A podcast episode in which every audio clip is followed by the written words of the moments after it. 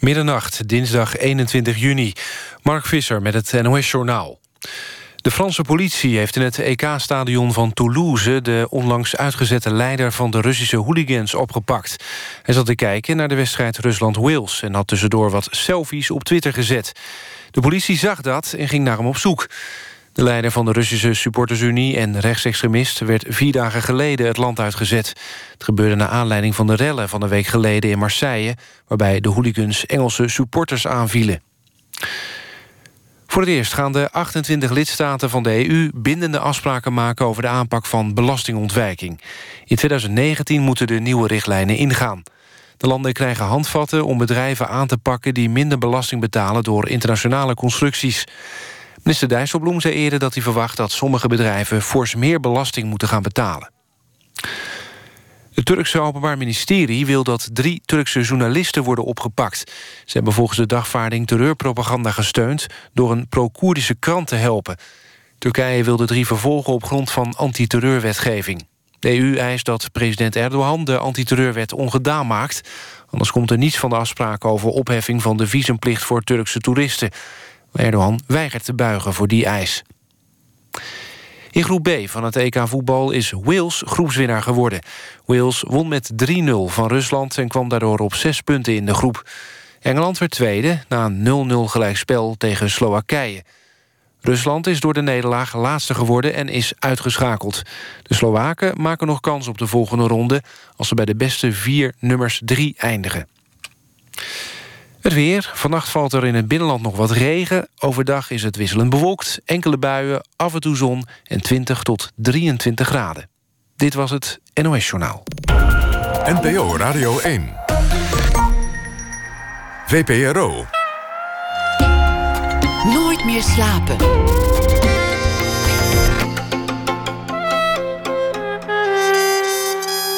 Met Pieter van der Wielen. Goedenacht en welkom bij Nooit meer slapen. Een project vol idealisme dat ontaarde in dwang en vernedering. Susanna Jansen schreef een bestseller over de arme inrichting Veenhuizen. Het Pauperparadijs heette dat boek en nu is er op de historische locatie ook een voorstelling van gemaakt. Ze vertelt erover na één uur. En dan gaat het ook over popart in de mode, van Warhol tot Westwood. En Thomas van Aalt is deze week onze huisschrijver. Hij zal de voorbije dag samenvatten in een fictief verhaal. We beginnen met Jacob Alboom. Zijn vorige voorstellingen, Horror en Levensraum, werden een sensatie.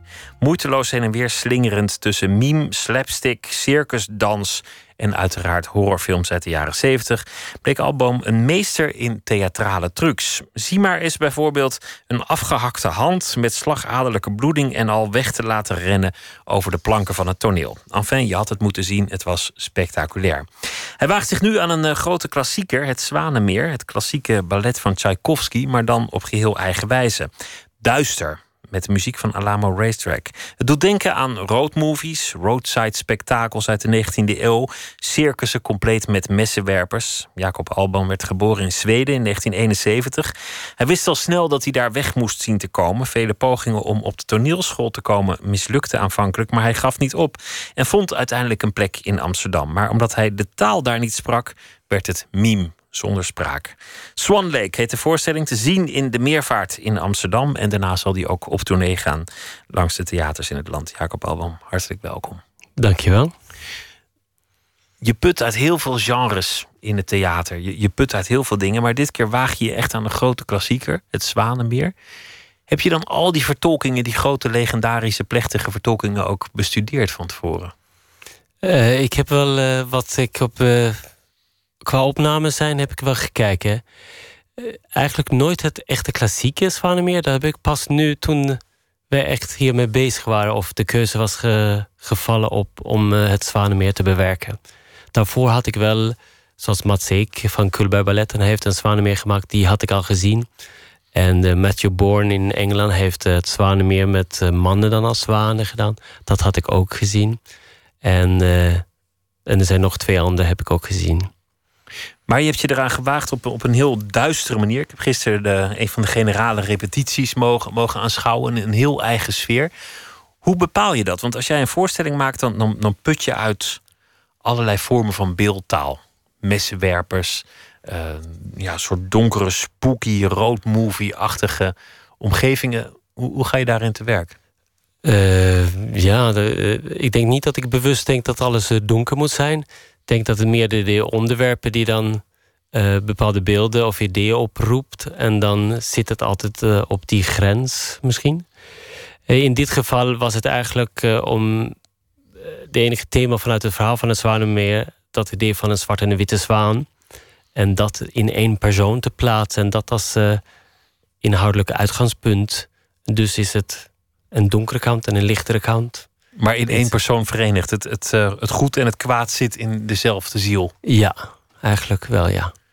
Iedereen heeft twee karakters in één borst. Ja, dat is uh, een beetje wat in dit geval de uitgangspunt is, ja. En dat de, het het delen dat, het, dat je alleen maar goed bent of slecht bent, dat, uh, dat is waarschijnlijk nooit zo. Want er zit altijd een achterkant. Dat is een mooi thema. Laten we daar straks op, op terugkomen. Laten we het hebben over uh, je fascinatie voor, voor het theater. Je, bent je bent geboren in Stockholm, 1971. Je jeugd was niet gelukkig. Uh, niet altijd. Niet altijd. Vertel, wat, wat was er ongelukkig? Uh, nou ja, ik kom van een kleine voorstad en daar heb je altijd zo in de voor buitenwijken van een stad, van een grote hoofdstad. Je een beetje afgesloten, zo dan rommelt een beetje van alle kanten. En dan maak je bepaalde dingen mee die niet altijd misschien positief uitpakken. Maar in sommige gesprekken klinkt het misschien erger dan wat het is. Maar, maar wat, wat, wat, hoe moet ik me voorstellen? Een voorstad van Stockholm. Ik, ik ken natuurlijk het centrum met het mooie water en de mooie oude boten en, en, en de mooie gele gevels. Dat is dan het beeld dat je hebt van Stockholm. Maar het is natuurlijk een stad met even goed als alle andere steden betonnen voor. ja, in de buitenwijken. Ik, ik kom wel ook waar, echt, waar je ook veel natuur buiten hebt. Zo ik, uh, toen ik heel jong was, heb ik heel veel buiten kunnen spelen en zo. En ik denk dat dat ook. Uh, heel veel heb uh, uh, gegeven aan het fysieke buitenleven. Klimmen, hutjes bouwen en zo. Ik had een riviertje buiten. Ik uh, liep mijn tuin uit en dan zat ik gewoon in een bos. Omdat in Zweden is vooral heel veel natuur. Maar in dat soort steden heb je ook betonwerken... zoals Belmeer in Amsterdam en gedeelte. En, en dan heb je de steden. En het is vrij gewoon uitgespreid. En in Amsterdam fiets je of mensen reizen een half uur naar hun werk. Meestal in Zweden reis je anderhalf uur. Anderhalf uur in, in, in de Volvo of de trein? Ja, want uh, in Amsterdam wonen en in Arnhem werken is niet zo gek in Zweden. Maar in uh, Nederland is dat uh, niet te, te bedenken. Maar je was veel in het bos, veel, veel buiten. Dat, dat klinkt ook alsof, alsof je daar liever was dan op alle andere plekken waar je, waar je misschien ook had kunnen zijn. Zoals thuis of op school. Ja, net thuis, ja. ja de, ik heb inderdaad soms in plaats van naar school gaan, dan dacht ik, eh, ik heb geen zin, ik ga even naar huis. En dan liep ik naar huis. nou, ik, eh, maar ja, ik was eh, veel buiten en speel ook met kinderen op straat. En, en het, omdat ik in een kleine dorp is, is een veilige omgeving, is geen grote stad. Zo. In die zin was er niemand die daar hoefde op te letten. Zo ik kon doen wat ik wou eigenlijk, een beetje. Ten goede, ten slechte, in de zin dat... In de ene kant zou je denken dat er geen zorg voor was, maar aan de andere kant kon ik leren om voor mezelf te zorgen. Dat moet je uiteindelijk zelf leren, voor jezelf zorgen. Ja. Het was een omgeving, dat, dat heb je wel eens omschreven, uh, die, die werd beheerst door drankzucht, door geweld, door mensen die de hele dag naar porno zaten te kijken, door, door desinteresse.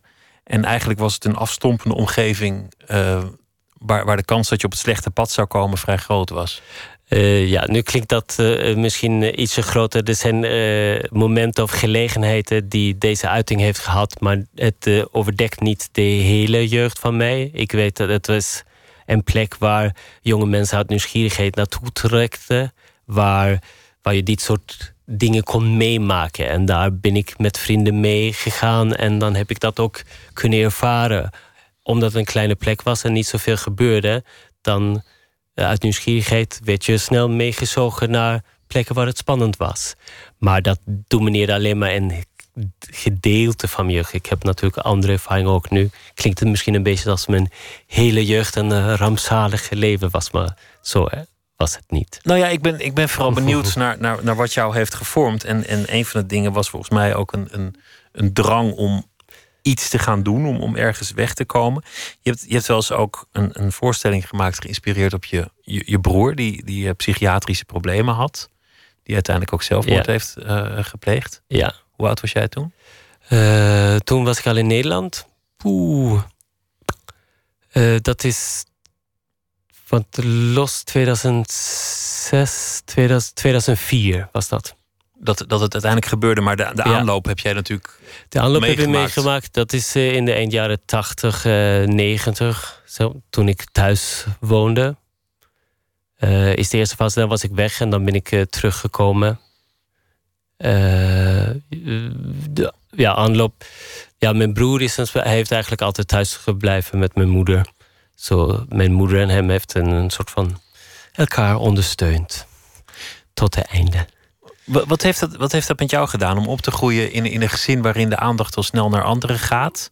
Waarin je, je moeder en je broer elkaar steunen. er was ook nog een zus en, en jij, nou ja, je kon er buiten en, en daar vond je het fijn. Maar hoe heeft het jou gevormd? Ehm, hoe heeft het. Oh, dat, weet, weet, ik niet. Ik, denk, ik zou wel denken dat uh, theater maken of kunst uh, een goede vorm, daarin heb ik een goede vorm kunnen vinden. Om ook dat soort dingen, wat ik dan zie of meemaakt, hoe mensen met elkaar omgaan, de relatie die je opbouwt met elkaar en die zowel heel liefdevol is en ook heel destructief tegelijk kan zijn. Dat komt misschien daarvoor dat zien, proeven, voelen, wat dat betekent. En theater dan in mijn geval had ook... Ik ben begonnen met beeldende kunst. Ik ging eerst naar de kunstacademie.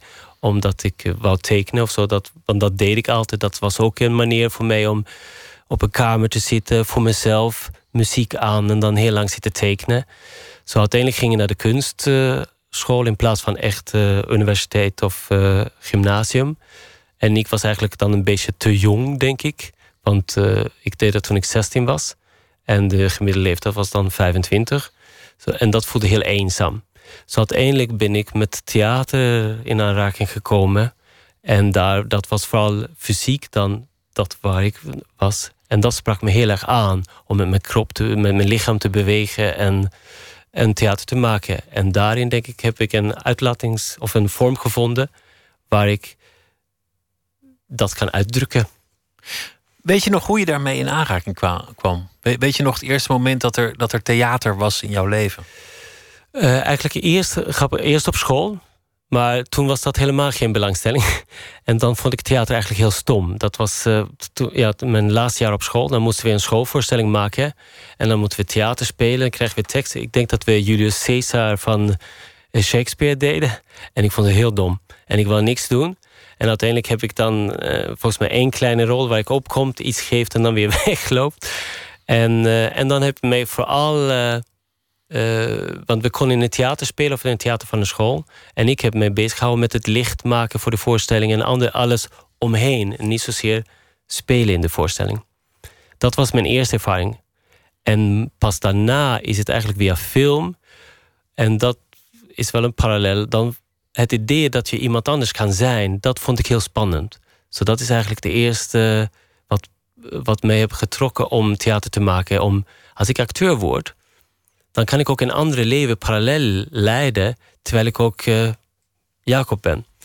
En dat, dat vind ik wel interessant. Dat is ook een soort vlucht, waar anderen misschien uh, kunnen vluchten in, in drugs of, of vluchten in letterlijk vluchten. Een, een auto jatten en maken dat je wegkomt kun je ook vluchten in, in een fantasieleven op de planken. Ja, en dat, ja, een beetje zo, ja. En het grappige is dan dat het eerste idee is dan om acteur te worden. Dan dacht ik, als ik in zo'n film speel, dan kan ik uh, verschillende rollen doen. Maar ja, om in een film te spelen, dan moet ik uh, leren acteren. Om leren acteren, dan moet ik naar theater doen. Oh ja, dat was. Nou, en, dan, en zo ben ik dan toch uh, in theater aan, naar theater gekomen. En dan heb ik ook proberen naar de toneelschool te komen in Zweden. Dat is niet gelukt. En dan heb ik uiteindelijk in het buitenland een andere vorm gevonden. En waar theater meer fysiek is. Maar nog steeds met het idee om acteur te worden. En in Nederland heb ik dan de mimeschool gedaan. Ook met het idee om acteur te worden. En dat heb ik ook in het begin veel gespeeld. Maar nu eigenlijk speel ik helemaal niet meer En ben ik toch regisseur geworden. Je zei net eh, een situatie waarin je elkaar leed kunt aandoen en elkaar lief kunt hebben. Wat, wat dan slaat op een familie. Een familie waarin je hecht bent, een beetje tot elkaar veroordeeld. Je haat elkaar, je hebt elkaar lief, je doet elkaar kwaad, je doet elkaar goed. Ja. Je zit vast. Is het theater voor jou ook familie? Is dat een surrogaatfamilie als je nu zo heel intensief bezig bent met een, met een groep? Ja, eigenlijk eh, wel. Daar heb ik misschien niet zo concreet zo over nagedacht, maar een beetje. Ik heb natuurlijk nu met uh, Swan Lake, waar ik nu mee bezig ben, is uh, een nieuwe samenstelling van mensen. Zo is niet. Uh, ik heb twee dansers die normaal met mij werken, maar de rest komt van IZK en dat zijn een nieuwe groep dansers. En zo daar voelt het anders, maar in de andere voorstellingen zoals horror en levensraam daar, dat is wel een gehechte groep die ik al langer mee werkt. En dat voelt wel inderdaad als een beetje een familie. Het is een familie waarin je elkaar ook op, op de lip kunt zitten, elkaar kunt helpen en elkaar af en toe dwars kunt zitten, maar uiteindelijk heel hecht. Ja, nou vooral waar je uh, gezamenlijk proberen iets uit te drukken. Gewoon een nieuwe theatrale middelen te vinden en waar je elkaar vertrouwt om open te staan, om jezelf over te geven aan de situatie om iets uit te drukken binnen de theatrale vorm. Laten we een stap terugnemen. Je groeide op in een betonnen wijk langs de rand van Stockholm. Het was misschien niet het mooiste moment van je leven. Soms wel, soms niet. Je zegt eigenlijk moet je het niet eenduidig zien. Mijn jeugd was niet alleen ongelukkig, maar ook zeker niet alleen gelukkig. Dat theater kwam op je pad. Wanneer was het moment dat je ook dacht: dit kan een leven worden? Want het, dat is een vrij grote mentale stap om, om daar een beroep van te maken. Theater? Ja. Uh, of acteren? Ik uh, deed uh, auditie in Malmö. In Zweden hebben we drie grote steden. En elke stad heeft een theaterschool. En ik heb in Stockholm en in Malmö gedaan. En wat ik herinner in Malmö, ik denk dat ik dan 19 of 20 was. En daar ben ik door de eerste ronde heen gegaan. En dan moet je een monoloog voorbereiden. En dat doe je voor een jury van 12 mensen. En dat doe je s ochtends. En dan eh, s middags komt er zo'n briefje op. En dan zie je je naam. En dan mag je door in de middag. En dan doe je nog. Dan heb je twee scènes voorbereid. En ik was door de eerste keer. En ik liet tweede scène zien. En op dat moment, ik was heel zenuwachtig en eh, het ging helemaal mis volgens mij. Of ik weet niet, ik had geen idee. Maar het enige wat ik wist, dit is verschrikkelijk. Ik haat om hier te staan, maar dit is wat ik de rest van mijn leven wil doen. Allebei die gevoelens. Ja. En toen had ik gewoon, als zij mij niet willen, dan weet ik niet. Ik heb nu laten zien, dit is wat ik wil. En als zij dat niet zien en mij niet gaat aannemen, ik ga dit doen. Dit is wat ik wil. En ze hebben mij niet aangenomen en ik heb het niet opgegeven. Hoe vaak heb je, heb je daar gestaan op zo'n podium voor zo'n commissie die uiteindelijk nee zou zeggen? Hoeveel pogingen waren er voor nodig voor je echt werd aangenomen? Je noemde net al iets van die rondreis, dat je uiteindelijk in Amsterdam kwam, maar, maar hoe vaak, hoe vaak zeiden ze: Alboom, dit wordt niks, Alboom, ga iets anders doen? Uh, heel vaak. nou ja, ook uh, in sfeer met scholen, ja, uh, Stockholm heeft me niet aangenomen. In Denemarken op een school hebben ze mij aangenomen. Ik ben ook zelfs naar Engeland, naar Royal Academy of Dramatic Art. Ze hebben me ook niet aangenomen. uh, Meme School heeft me aangenomen. Heel fijn. En dan heb ik natuurlijk ook voor groepen later om samen te werken. Ik heb iets gezien en denk dat is fantastisch. Dat is precies wat ik kan. Dat is moet ik doen. Ik ben er naartoe gegaan. Ik heb auditie gedaan. Nee, ze hebben mij niet nodig. Zo, ik ben wel uh, vaak uh, afgewezen. Tot een gegeven moment denk ik... Ik denk dat dat de reden is waarom... Oké, als niemand mij wil helpen... dan ga ik voor mezelf creëren dat wat ik wil doen. En zo is eigenlijk het maken ontstaan. Okay. Maar je had dan wel vertrouwen. Je liet je niet uit het veld slaan. Nee. En dat, dat vind ik wonderlijk, want het kwam niet echt vanuit huis. Het was niet dat je ouders al acteur waren of, of theater maken... Nee. Of, of dat daar een soort vertrouwen vandaan kwam. Je had het zelf bedacht. Je staat daar de eerste commissie. Nee, dit wordt niks. Tweede commissie. Nee, dat wordt niks. Derde commissie. Ach, alsjeblieft, donderop. En dan wordt dat vertrouwen bij jou alleen maar sterker. Ja, ik denk dat uh, mijn grootste kracht is, uh, kracht is waarschijnlijk die doorzettingsvermogen. Vermogen. Nou, natuurlijk, als je iets doet, moet er wel ergens een talent zijn. Maar ik zie vooral inderdaad bij mij die, ja, de doorzettingsvermogen en de ambitie om iets te willen. En En gewoon hard werken. Was er ook een drang om weg te gaan uit Zweden? Want, want het was een beetje toeval dat je in, in Malmö niet werd aangenomen. Eh, maar, en dat je dan uiteindelijk in Duitsland het probeerde, in Engeland en in, in Nederland. Maar zat er ergens ook achter het verlangen om Zweden te verlaten? Ja, ook een beetje, ja. Ja, dat is nu wel weer weg. Nu kom ik uh, vaker weer terug. Maar, maar waarom? Nou, ook omdat ik. Uh, Zweden is een heel groot land. Maar uh, ja, ik vind het klein. En ook vanwege mijn familie en zo.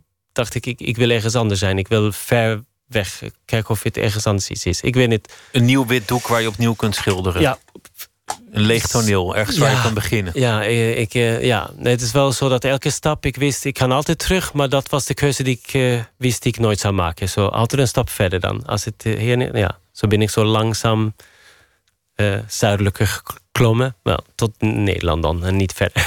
Nou ja, je weet niet wat er nog gebeurt natuurlijk. Ja. Laten we gaan luisteren naar Alamo Racetrack, want het is een bijzondere samenwerking met die band. dans op live muziek is altijd al ingewikkeld als de band even iets langer uitspint, dan zijn de, zijn de dansers in de war. Maar ze hebben een, uh, een sfeer neergezet. We gaan luisteren naar gewoon een van hun eigen nummers. En dat is een nummer uit uh, 2011, Unicorn Loves Deer. Me. Do you really want to get to know me?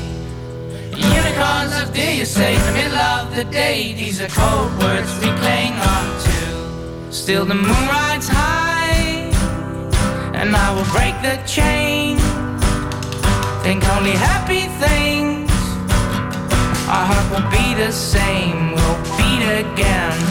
Breaking your heart was never an option. Someday I will, someday somehow. Breaking your heart was never an option. Unicorn loves dear, dear loves unicorn. These are copers we can say, copers we can all obey. Unicorn loves dear, dear loves unicorn. These are copers we can say, copers we can all obey.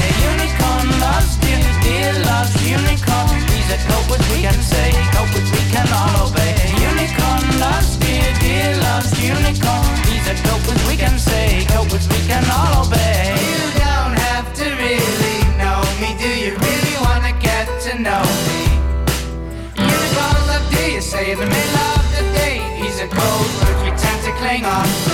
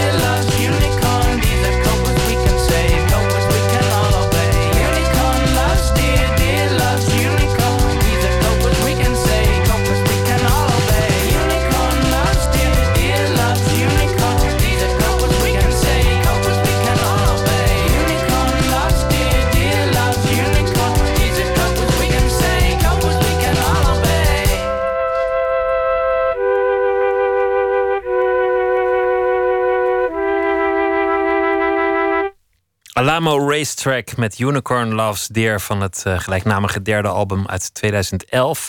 En ze zijn te zien in de voorstelling Swan Lake. Regisseur Jacob Albam zit tegenover mij. Een dansvoorstelling gebaseerd op het Zwanenmeer van Tchaikovsky, maar dan in een totaal andere setting. Hoe is dat eigenlijk tot stand gekomen met Alamo Racetrack? Hoe zijn jullie elkaar tegengekomen? Uh, wij zijn elkaar tegengekomen in 2009 of 2010. 2010 hebben we een voorstelling samen gemaakt. En dat is In een Show. En daar is eigenlijk daarna is de CD Unicorn Loves Deer uitgekomen, waar uh, bijna de helft van de nummers eigenlijk vanuit de voorstelling zijn gekomen. Ik was op zoek naar live muziek voor een voorstelling. En ik wou eerst, dacht ik, aan een uh, muzikant die normaal voor theater muziek maakt. Maar dat paste mij niet echt zo. Ik wou eigenlijk iets anders. En ik zag een voorstelling van Wim van de Kebus waar hoe heet uh, Woven Hands uh, meespeelde. Woven Hands is van 16 Horsepowers. En zij speelde live in die voorstelling en dat was zo goed. En dat uh, gevoel en de kleur van het geluid was zo anders, omdat het komt van een band die iets eigen heeft. Gewoon popmuziek en theater, maar toch een ondersteuning voor de theatraliteit van de voorstelling. En ik dacht, dat is wat ik wil. Ik wil een band met een eigen identiteit die iets toevoegt aan hetgene wat ik doe. En zo ging ik op zoek. En eerst natuurlijk wild om te hopen dat je een grote band ergens in de wereld, wat jouw favoriete band is. Maar dat is te moeilijk. Zo ik dacht, uh, ik moet in Nederland beginnen te zoeken. En zo ben ik dan via luisteren en zo naar Nederlandse muziek ben ik uh, allemaal Rijstek tegengekomen. En... Je zei net, als, als ze me niet willen voor wat ik wil doen, dan moet ik zelf maar gewoon mijn eigen ding creëren. Dan moet ik maar gewoon zelf heel iets nieuws gaan doen. Dan moet ik het maar gewoon zelf uit de grond stampen. Dan, dan verwerf ik mij een plek op de wereld. Dat heb je de laatste jaren gedaan. Het, het, is ingewikkeld om uit te leggen. Ik verlies mij daarin. Als ik, als ik wil uitleggen waar jouw voorstellingen over gaan, dan, dan is dat moeilijk om het, om het te vertellen zonder het meteen kapot te maken. Maar, maar het is soms absurdisme, soms is het slapstick, soms is het gewoon beelden uit een horrorfilm, soms is het meme, dans, toneel, maar dan met niet al te veel woorden. Het is soms circus, spektakel, alles door elkaar. Maar langzaamaan heb je een publiek gevonden. De zalen zitten vol, lang van tevoren. Mensen die vertellen het elkaar. De recensies zijn zeer lovend, maar het lijkt alsof je toch steeds meer die eigen plek hebt, hebt gevonden. Hoe begint zo'n voorstelling? Weet je dan al precies wat er gaat gebeuren, of is het voor jou ook een ontdekkingsreis? Ja, uh, ja eigenlijk is het ook een ontdekkingsreis. Nu is het wel langzamerhand, uh, in het begin was het absoluut een ontdekkingsreis, maar je krijgt natuurlijk ervaring door de jaren heen. En ik durf wel te vertrouwen op die ervaring. En, in, en ik bereid wel veel voor van tevoren dat probeer ik meer en meer en meer te doen. En dat ontwikkelt zich ook zo. Elke keer leer ik iets en dan probeer ik dat beter voor te bereiden. Dat wat ik voelde de vorige keer niet zo goed ging.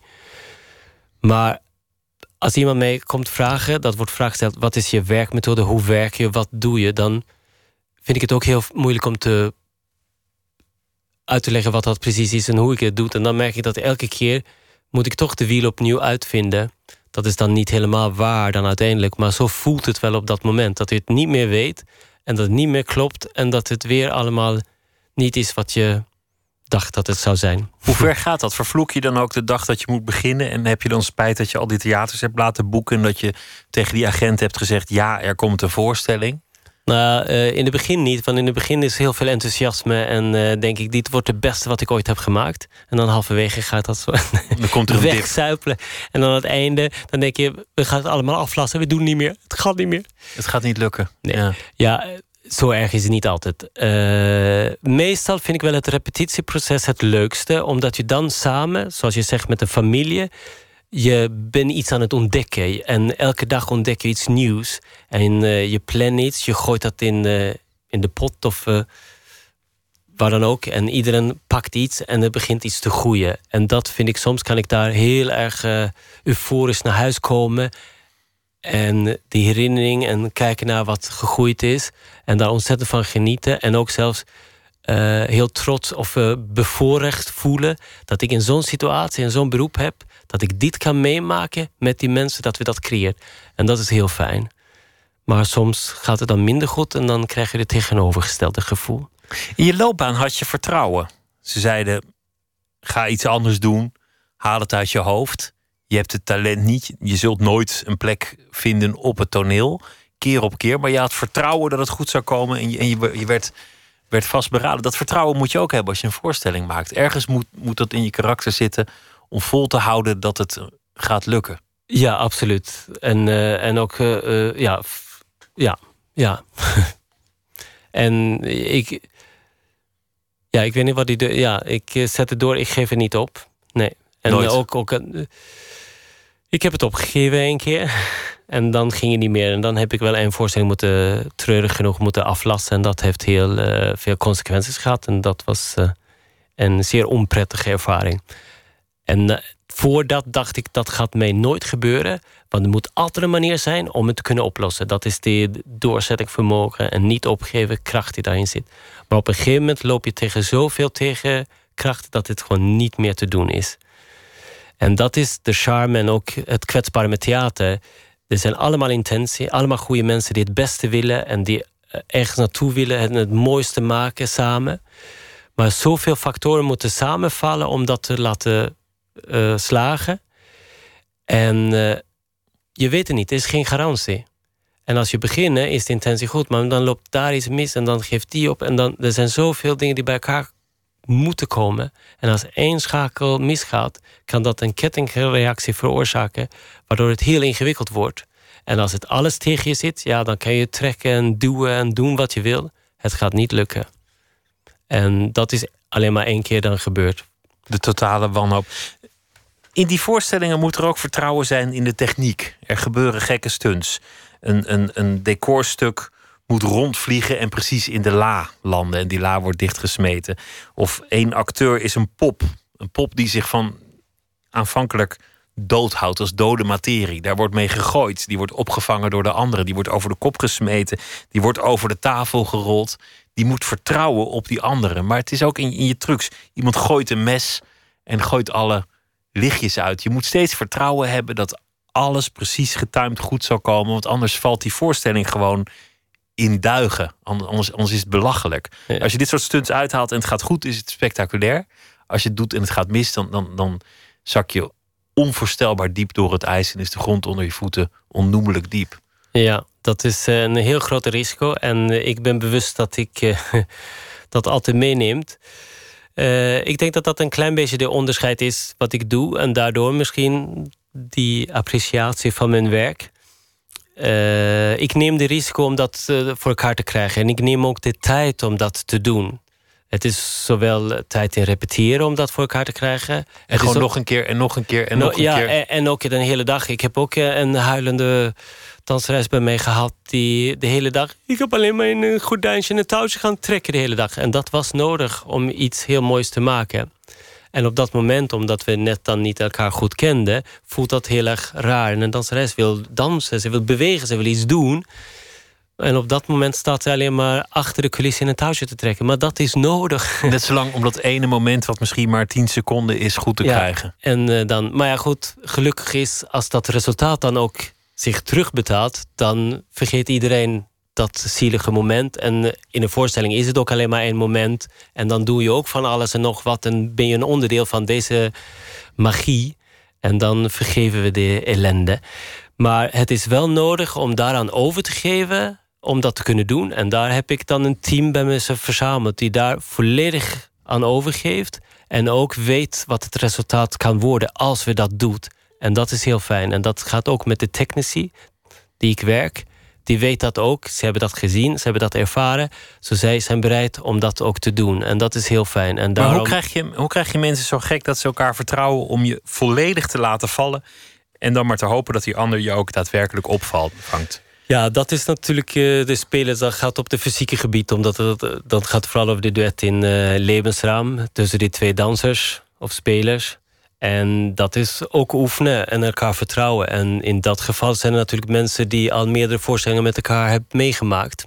En dat helpt natuurlijk dan. Maar moet jij ook als regisseur dan zeggen: laat je maar vallen, die ander is er. Hij zal je opvangen. Ja, in dit geval is, uh, is die natuurlijk gemaakt waar we echt met z'n drieën alleen maar dit hebben gemaakt. En waar zij dan met z'n tweeën eigenlijk dit samen hebben ontwikkeld. Want in mijn werk, ook zoals nu met Swanlek, ik sta niet in een hoekje en maak alle bewegingsmateriaal. Ik maak het samen met hun op de vloer. En eigenlijk komt dan al bewegingsmateriaal van de dansers zelf omdat dan zit het beter in hun lijf en ze kunnen bepaalde dingen veel beter dan ik. En zeker nu. En, uh, en dat modelleer ik. Zo in het geval van die pop en die man die haar manipuleert, is iets wat zij. Zij krijgen een opdracht van mij om iets te maken wat daarover gaat. En dan gaan ze dat zelf creëren. En dan ontstaat een vertrouwen, omdat ze dat gezamenlijk opbouwt omdat ze het samen vanaf nul opbouwen, leren ze ook om daar steeds verder in te ja, gaan. Ja, precies. Ja. Jij bent een dode pop en ik kan jou manipuleren. Ik kan alles met jou doen. Ja. Dat is ook jouw vrouw, de actrice die daar de show speelt. Dat is ook mijn vrouw, ja. Jullie werken heel veel samen. Uh, van begin af aan. Eigenlijk elke voorstelling zo'n beetje. Ja, sinds 2000 eigenlijk uh, is het. Uh, we hebben een duet samen gemaakt en sindsdien, dat is Jacob Album. dus daarin ook heb je, heb je je familie gevonden in, in het theater, zou je kunnen zeggen. Je hebt een surrogaatfamilie zelf opgebouwd. Ja, en uh, gelijk kinderen gekregen en de kinderen reizen met ons mee. mee op tournee, mee op reis? Uh, vaak moeten ze ook mee, uh, zeker als we naar het buitenland gaan, ja. Want jullie hebben in, in Londen een, een heel erg succesvolle reeks gedaan. Ja, we hebben dat twee keer. We waren daar eerst met Levensraam en dan zijn we nu teruggekomen met horror, ja. Laten we het hebben over die, die voorstelling horror, die, die, die ik werkelijk geweldig vond. Daarin put je uit een, een duistere wereld. Je haalt alle clichés uit de jaren zeventig horrorfilms. Ben je echt een liefhebber van het genre? Heb je, heb je dat verslonden? Ja, ik was echt een liefhebber van dat genre. En eigenlijk uh, puur door de andere... Nee, twee dingen. De adrenaline kick van de suspense die komt. Ik heb echt... Mijn eerste ervaring is... En uh, dat was op een zwart-wit televisie. Of of de film was zwart-wit, of de televisie was zwart-wit. Dat weet ik niet meer, was zo lang geleden. Of er was iets kapot. Nou, een, een spookverhaal. Ik geen idee waar het was. Maar ik voelde, de muziek maakte spanning natuurlijk. En ik ben echt letterlijk achter de televisie gaan staan en wachten totdat het voorbij was. En ik heb ook gevraagd: laten jullie mij weten wanneer het voorbij is. En dan kwam ik weer tevoorschijn om verder te gaan kijken. Dus dat is mijn eerste horrorervaring. Maar die suspense, dat vond ik zo uh, prikkelend. En, en dan later, ik weet niet hoe oud ik was toen. Toen volgens mij was ik, eh, ik was niet oud, uh, tien jaar misschien max. Maar later heb ik wel veel horrorfilm gaan kijken, ja. Ook uit die reden. En de tweede reden, omdat ik special effect heel spannend vond. En daar zit een beetje de verbindenis ook met het goochelen. Dat je iets laat zien wat niet kan, wat fake is. Maar je laat het zo goed zien dat het echt lijkt. En door de verbeelding, en zeker binnen horrorfilm, gaat het iets te ver. Het gaat niet alleen maar dan in die zin dat het over gruwelijkheid of gore gaat, maar over een soort van fantasie. Omdat je dingen laat zien die bovennatuurlijk zijn, die niet kunnen. En die ga je heel extreem visualiseren of een, een visuele vorm voor verzinnen. En, dat, in het theater, waar, wederom iets waarvan de meeste mensen op voorhand zouden zeggen dat lukt je niet om kopjes te laten zweven in een theater, om, om schilderijen van plek te laten wisselen aan de muur in een theater. Nou ja, je kunt bij alles wel iets bedenken, maar als je het heel ver doorvoert, dan is het wel onvoorstelbaar veel werk om al die effecten ja. van, van geestverschijningen en hologrammen en, en ruimte-tijd, discontinuïteit en weet ik veel wat allemaal, om dat op de planken te brengen. Ja, en dat, dat vond ik wel de spannende uitdaging dan om dat te doen. So dat was ook een onderdeel van horror. Uh, uh, een ode aan de genre, mijn liefdesverklaring daaraan. Maar ook proberen. Uh, mensen laten schrikken kan je natuurlijk snel doen. Ik kan hard klappen of hard muziek aanzetten, dan schrik je. Dat gebruik je natuurlijk ook. Maar suspense creëren waar je voelt dat iets zou kunnen gebeuren, dat is, dat is vaak natuurlijk in thriller en in films. Dat kan je dat opbouwen. Maar hoe doe je dat in theater? Suspense is toch, ja. En dat vond ik wel spannend. En ook die uh, ervaring wat je in horrorfilms Zoals ja, ook in horror, in de ring zie je die vrouw uit de televisie komen. Nou ja, ik zou, als je theater, kan ik, kan ik dat ook, diezelfde ervaring. Kan je een vrouw uit de tv laten stappen? Zonder de, de, het medium film, die techniek op. Film bestaat al zo. Ik, ik wil het theatraal ervaren. En dan probeer ik dat op te lossen. En dat vind ik ook heel spannend en interessant. En dan kom je op de grens van goochelen, meme, circus. Ja, en dan gebruik je die eh, middelen die er is om iets te vertellen, eigenlijk. Want voor mij gaat het, ik vind goochelen heel leuk en spannend en interessant. Lees je ook goochelboeken? Verdiep je je echt in de, in de, in de trucs Ja. van de grootheden? Ik heb een bibliotheek thuis. Met allemaal goochelboeken. Ja, ik heb heel veel. Ja, ik heb een eh, tijdje lang was ik daar met de laatste tijd wat minder.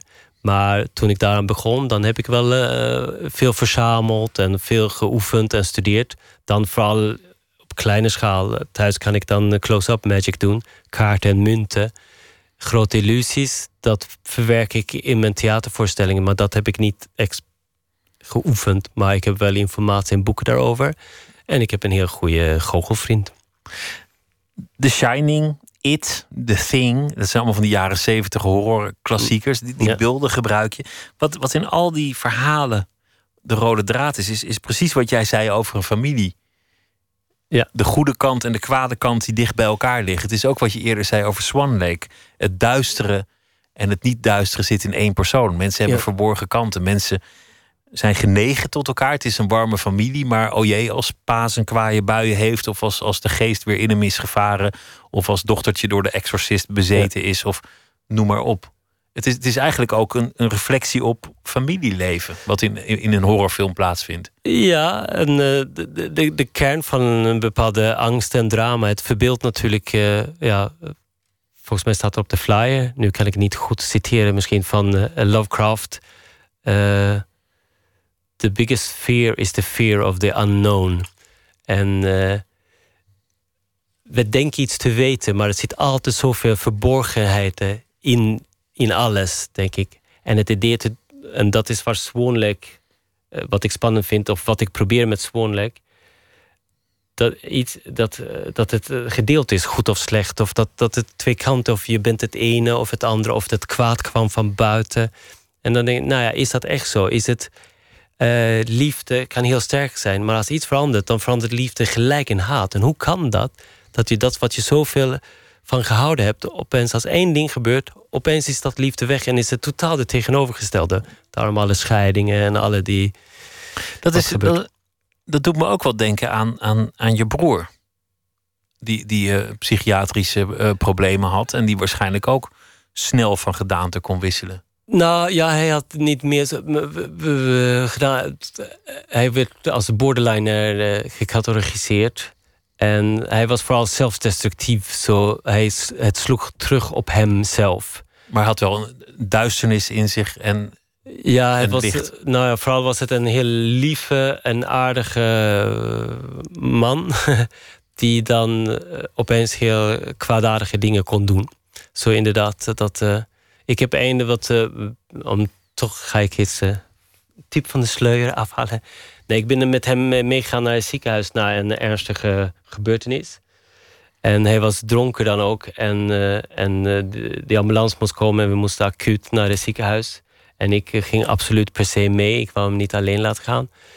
En het was midden in de nacht. En, wij, en ik ken hem. Dat is echt een lieve man, echt.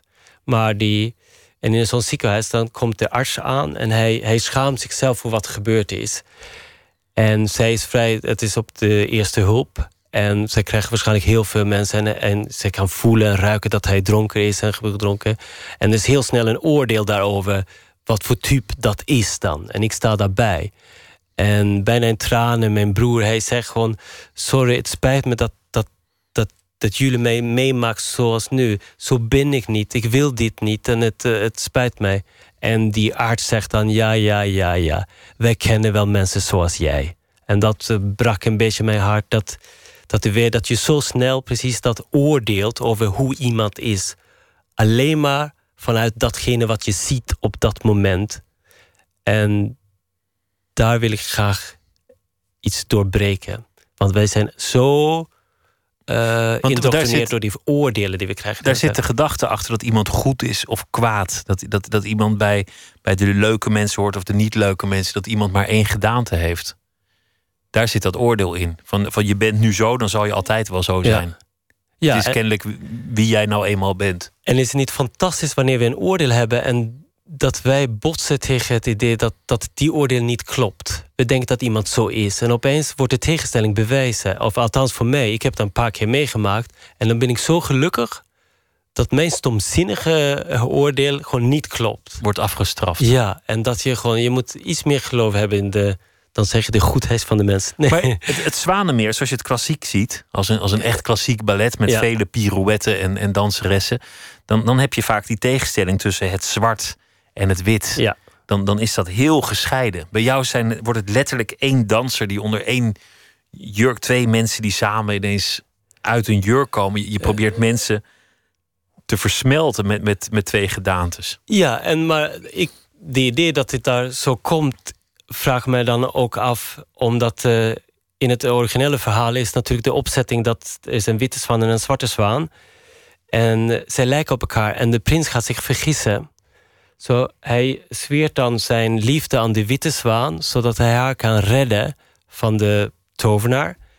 En dan op de bal thuis, waar zijn moeder wil dat hij gaat trouwen om koning te worden. Dan komt Roodbaard de tovenaar met zijn dochter, Odette. Hoop ik dat... Ja, Odine Odette. Ik denk dat het Odette is of eh, Odine. Volgens mij Odette, maar ja, Ja. ik wil er vanaf In ieder geval de Zwarte Zwaan. En zij is identiek en wordt ook meestal door dezelfde danseres ook gedanst. Niet door twee verschillende. Meestal doen ze dezelfde danseres. Het enige verschil is dat ze zwart is. Maar hij denkt dat zij het is. Dus hij laat voor zijn moeder zien... deze is de vrouw die ik mee ga trouwen. Maar dan breekt hij de belofte die hij had aan de witte zwaan. En daarom sterft de witte zwaan. En hij beseft dat hij een vergissing heeft gedaan. En dan rent hij terug naar de bos... om dat enigszins kijken of hij het niet ondaan kan maken. Maar het is te laat. Maar is dat ook niet... En toen in die tijd hebben ze dat uit elkaar gehaald... maar toch is de symbool dat, dat het... Hij vergis, eh, eh, ja, voor mij, ik kan het alleen maar samenvoegen... dat het toch een soort van symbool of een beeld van... dat we dat dat in ons allemaal zit. Of althans, zo wil ik het zien. En dat denk ik, die klemtoon wil ik geven aan het verhaal. Heb je je eigen duistere zijde leren kennen? Ben je daaraan ontkomen? Zijn er momenten geweest dat je dacht van... "Mm, die, die album die had ook best heel anders kunnen eindigen? Nou Ja, denk het, denk het wel. Ja, ja denk het wel. Eh, Noem eens iets. het- Je moet niet eh, het- ja zeggen. eh. ik denk nu kan ik dat. eh, Ik heb een plek om het eh, in het theater weg te geven. Als ik denk aan mijn jeugd. eh, ik, heb, ik werd geplaagd heel veel. En een beetje als wraak heb ik dan later heb ik iemand anders geplaagd. En dat vrij ernstig ook. Totdat ik besefte dat ik helemaal fout bezig was. Eh, ik heb ook eh, pijn gedaan aan dieren toen ik jong was. Ook uit een soort van iets. Nou ja, zo zijn ook donkere kanten bij mij.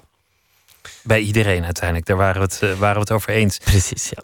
Het is ook het festivalseizoen en eh, komend week einde Down the Rabbit Hole met een eh, prachtige programmering waar onder meer zal optreden PJ Harvey. En we gaan nu luisteren naar een nummer van haar met de titel Orange Monkey.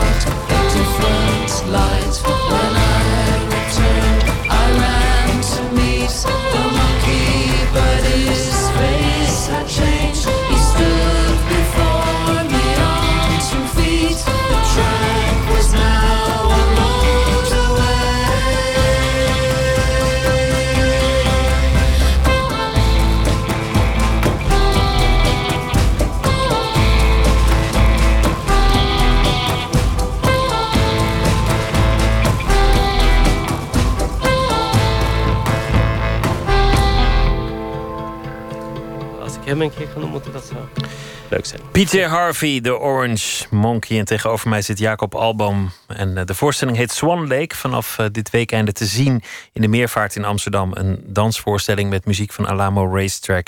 En uh, het is niet het traditionele Zwanenmeer. We hebben het gehad over uh, de jonge jaren in de buitenwijk van Stockholm. In een uh, betonnen omgeving waar je gelukkig ook kon vluchten in de natuur. Een jeugd die niet alleen gelukkig was, maar benadrukt je ook uh, niet alleen ongelukkig. Zo is het in een familie. Je doet elkaar goed, je doet elkaar kwaad. Je hebt elkaar lief. Je zit elkaar in de weg. Het was ehm, een omgeving die ingewikkeld was, maar het heeft je geleerd dat mensen niet eenduidig zijn. Dat je nooit moet oordelen. Niet denken dat iemand altijd slecht is omdat hij zich nu zo uit. En je vertelt het verhaal over je broer dat jou verdriet heeft gedaan op het ziekenhuis. Dat hij moest uitleggen aan de artsen die dat niet wilden geloven. Dat hij heus een aardige jongen was. En jij benadrukte dat het een hele lieve jongen was. Je broer die helaas er niet meer is. We hebben het gehad over jouw weg het theater in. Op een zeker ogenblik dacht je, ik kan een andere identiteit aannemen als ik acteur ben. Dan kan ik elk leven leiden dat ik wil. En toen was je vastberaden om acteur te worden. Maar de acteurswereld moest jou nog toelaten. Menig auditie mislukte, je gaf niet op. En zo werd het uiteindelijk de mime-opleiding in Amsterdam na wat omwegen. Zweden, Engeland, Duitsland. En zo dus terechtgekomen in Amsterdam. En toen was de gedachte, als ze mij niet zomaar willen, dan moet ik zelf maar iets bedenken. Dan moet ik het zelf gaan doen. En zo ben je aan de slag gegaan. Je hebt je eigen familie gevonden in het theater. En de perfectie, de precisie, dat is wat jouw werk typeert. Elk moment, elke truc, als je het zo wil noemen, oefenen net zolang tot hij er perfect in zit. En onderweg het vertrouwen behouden. Het vertrouwen in de voorstelling, maar ook in elkaar, dat het altijd goed blijft komen. Ik wil het hebben over je beeldtaal. Bijvoorbeeld over slapstick, Laurel en Hardy. Heb je, heb je daar ook je helemaal encyclopedisch in verdiept? Heb je het hele oeuvre bestudeerd van, van alle grote slapstick films? Nou, nee, ik was uh, jong eigenlijk, Charlie Chaplin. En uh, grappig genoeg is Buster Keaton la later gekomen. En dat heb ik wel gestudeerd. En zeker Buster Keaton was, was eigenlijk misschien stiekem de net iets grotere dan, dan al die anderen. Ik denk dat uh, zonder Buster Keaton waren de anderen dan niet. Nee, nu ben ik te groot. maar Lauren Hardy heb ik gezien, maar dat heb ik niet zo gevolgd. Uh, de Marx Brothers was natuurlijk toen ik jong was, heb ik dat veel gezien. En je hebt, had ook een serie met uh, die kinderen, dat was wel ook grappig. Ik weet niet hoe die nu heet. Maar de Marx Brothers, die heb ik toen ik jong was gezien. Maar hier in Nederland heb ik raar genoeg heel laat dan Buster Keaton ontdekt. En ik zou me daar het meest mee willen vergelijken. En dat heb ik wel uh, goed bestudeerd, ja. En daarvoor geldt ook wat je, wat je zei over horror. Namelijk, dit kan je niet doen op het toneel. Dat, dat lukt misschien in een film om al die stunts uit te halen. Maar iemand tot een pop benoemen en die, die volledig stijf als een plank alle kanten op slingeren op het toneel, dat, dat is een onmogelijkheid. En uh, Buster Keaton doet dat en dat is zo wonderbaarlijk, want toen was geen. Je kon niet trucs maken uh, toen in de jaren twintig of daarvoor zelfs, zoals nu. Zo toen deed ze het. En Keaton deed alles. Hij is, zelfs hij is naar de arts gegaan een keer voor iets anders. En dan vroeg de arts: Wanneer heb je je nek gebroken? Hij zijn nek gebroken. En dan is hij eigenlijk maandag gelopen met een gebroken nek. Nou, die, zover ging die voor, zover voor ging Zo hij deed alles, stunts en alles. En in, in vandaag later zou je Jackie Chan eigenlijk als de opvolger van Buster Keaton in de manier hoe hij deed. En als je kijkt naar de films van Buster Keaton, zeker de two-reelers, zoals ze het noemen, de korte films. Eh, ik vind het nu even spectaculair als het waarschijnlijk toen was. Het, het heeft niet uh, gedaan aan de tijd. Het voelt niet alsof het 100 jaar geleden gemaakt. Het is vandaag even spectaculair, even fantasievol, even surrealistisch, even ontroerend en even grappig. Het is wonderbaarlijk. Ik vind dat echt een meester. In diezelfde voorstelling, uh, Levensraum, flirt je ook met het absurdisme. Met, met wat Magritte doet op schilderijen. Dingen die gewoon niet kunnen bestaan. Nou ja, die kun je tekenen, die kun je schilderen. Daar kun je misschien ook een, een, een stripboek van maken. Of een film zou je dat met trucage kunnen doen. Maar absurdisme op het toneel, dan maak je het jezelf weer heel moeilijk. Ja, ligt dan wel. Eh, absurdisme wordt wel vaak gebruikt. Maar ik vind het inderdaad het wat mij toegeschreven is. Die surrealisme, dat je, dat je de werkelijkheid vervormt. En letterlijk en dat vind ik wel spannend. Dat gaat meer over mijn fantasie, de beelden die ik zie, die iedereen hopelijk in kan herkennen. Je bent ergens, je wil ergens verdwijnen. Stel je voor dat ik hier in die beker zou in kunnen duiken of kruipen. Stel je voor dat uh, ik uh, even kan zweven, nou ja, wat dan ook. Of mezelf zou kunnen invouwen in een koffer verstoppen en op de postbus kan doen. Of uh, stel je voor dat ik mijn hart uit kan snijden en ergens in een box ergens bewaren zodat niemand aan mijn hart komt. Dus kan ik nooit sterven. Dat soort gedachten die absurd, surreëel zijn, die vind ik heel fijn om te, ook letterlijk te verbeelden. Ik hou van de beeldtaal in het theater, in de theatraliteit van de beeldtaal, die heel doorzichtig is. En de suggestie daarvan. Maar soms vind ik het ook heel fijn om echt letterlijk die verbeelding te laten zien. Eigenlijk als een soort van cadeau geven aan de publiek. Om en juist dat wat, wat niet kan op de planken te doen. Dus eigenlijk de grenzen van, van dat, dat Van de mogelijkheid, ja. En ook, eh, ook echt letterlijk mijn fantasie verbeelden... en dat laten zien voor het publiek. Zodat zij niet uh, hoeft te, uh, een suggestie te voelen. Zij, zij ziet het gebeuren. En ze maken dat mee, hoop ik dan. Ben je ambitieus? Heb, heb je grote, verrijkende dromen? Want het, het leven heeft je hier gebracht. Nou ja, zeg 700 kilometer ten zuiden van waar het begonnen is. Ja. Ten zuidwesten. Heb, heb je grotere plannen internationaal? Want, want je maakt voorstellingen die niet eens vertaald hoeven worden. Je zou er nee, dat is fantastisch en dat is heel leuk. En eh, daarom, en ik, natuurlijk, toen ik begon met theater was één heel grote droom. Was, ik wilde de wereld rondreizen met theater. Dat was gewoon mijn doel. Ik wilde de hele wereld uh, veroveren met theater. En, en nu uiteindelijk is dat redelijk gelukt. Alleen maar grappig, ik heb kinderen en ik heb een vrouw die meespeelt. Zo, ik blijf thuis met de kinderen en mijn vrouw gaat mee. Jij regisseert en je laat ze, je zwaait ze uit. Ja, zo, zo, ik moest een beetje inboeten op dat. Maar goed, eerst moest ik even op de bank zitten huilen, maar nu ben ik daar een beetje overheen gekomen. Ik ga mee, we delen het, maar ik kan niet elke keer mee. Zo, uh, we zorgen daarvoor. Maar dat was een grote en dat, dat wil ik verder ook uh, verder ontwikkelen. En er zit natuurlijk één heel grote droom en dat is film maken eigenlijk, waar het ooit helemaal begon mee. Het theater ontvluchten, dat, die, waar je de grenzen zo van hebt opgezocht.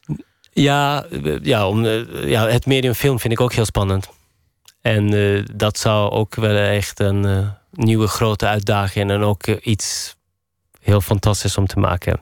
Als maar regisseur? Ik, ja, maar ik zal nooit theater opgeven, want ik vind theater. Ja, er bestaat niks zoals theater. Theater kan je niet downloaden. Het, is geen kopie. Het is eh, het is de enige medium waar je gewoon live op dat plek moet zijn om dat echt serieus te ervaren. En dat vind ik zo prachtig. In augustus uh, gaan jullie levensraam uitvoeren in Amsterdam. In, uh, waar was het? De Lamar. De Lamar, ja. En in september komt horror daar ook nog uh, in de reprise. Ja, september of oktober, nu weet ik niet precies. Ja. En, en nog op een aantal andere plekken. Maar vooral is in de meervaart Swan Lake te zien met live muziek van Alamo Racetrack. Vanaf komend weekende te bezichtigen. Jacob Album, dank je wel. Het was me genoeg om je hier te gast te hebben. Graag gedaan.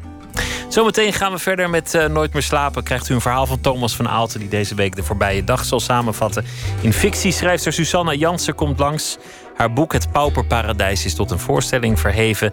En we gaan het hebben over pop art in het textiel. Want daar is een expositie over in Tilburg. Twitter, het VPRO NMS. We zitten op Facebook. En u kunt zich abonneren op de podcast via iTunes of de website van de VPRO.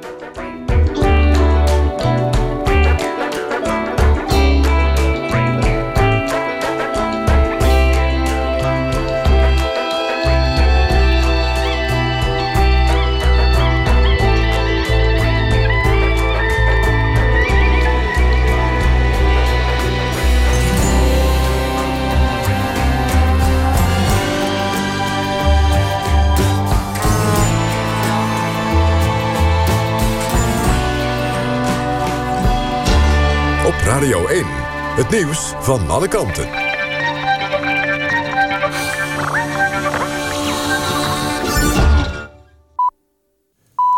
1 uur, Mark Visser met het NOS Journaal. In Las Vegas is een man gearresteerd die presidentskandidaat Donald Trump wilde vermoorden. De man werd afgelopen zaterdag opgepakt bij een politieke bijeenkomst... toen hij probeerde om een vuurwapen van een beveiliger te stelen. Na zijn arrestatie zei de 19-jarige man dat hij van Californië naar Las Vegas was gereden om Trump te vermoorden. Hij was een dag eerder bij een schietbaan geweest om te oefenen.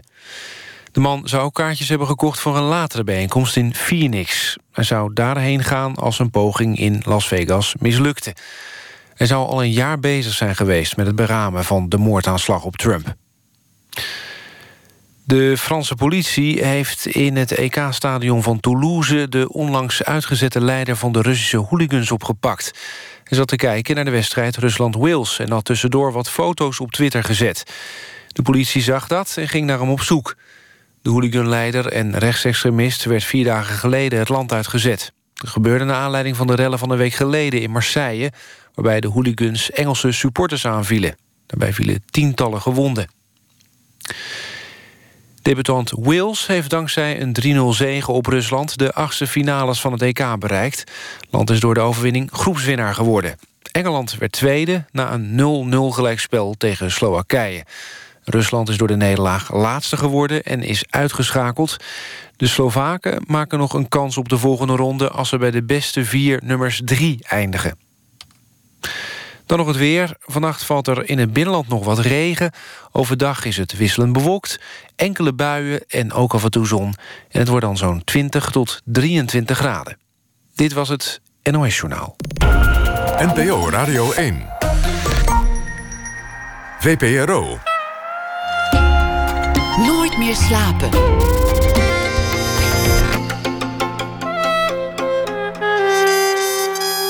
Met Pieter van der Wielen.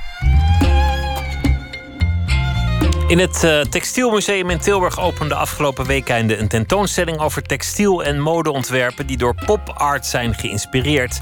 Van Andy Warhol tot Vivienne Westwood. Zometeen een rondgang langs pop art fabrics en fashion. Susanne Jansen komt langs naar aanleiding van haar boek. Daar is een uh, voorstelling van gemaakt, Het Pauperparadijs over een idealistisch project uit de 19e eeuw dat uiteindelijk ontaarde in onderdrukking en vernedering. We beginnen met Thomas van Aalten. Hij is schrijver en deze week zal hij elke nacht een verhaal maken over de voorbije dag. Hij heeft acht romans op zijn naam staan, waaronder Leeuwenstrijd. En de recentste heet Henry, een roman over de gloriedagen van het Nederlands tijdschrift. Thomas, goeienacht. Goeienacht. Leuk dat je het gaat doen deze week. Elke nacht een verhaal maken. En ik uh, ben benieuwd wat er uh, vandaag gebeurd is? Uh, vandaag uh, uh, raakt het nieuws van de nieuwe burgemeester van Rome mij zeer. Ik weet niet of je het gevolgd hebt, maar dat is een dame die voortkwam uit die beweging van Beppe Grillo. En nou ja, dat is overigens net als de nieuwe burgemeester van Turijn een, een nieuw geluid, een nieuw, nieuwe beweging aan, het, aan, aan de oude stad van van toch wat, uh, ja, laten we zeggen, het, het hart van Italië. En uh, daar gaat mijn stuk over. Ik ben benieuwd. Ga je gang.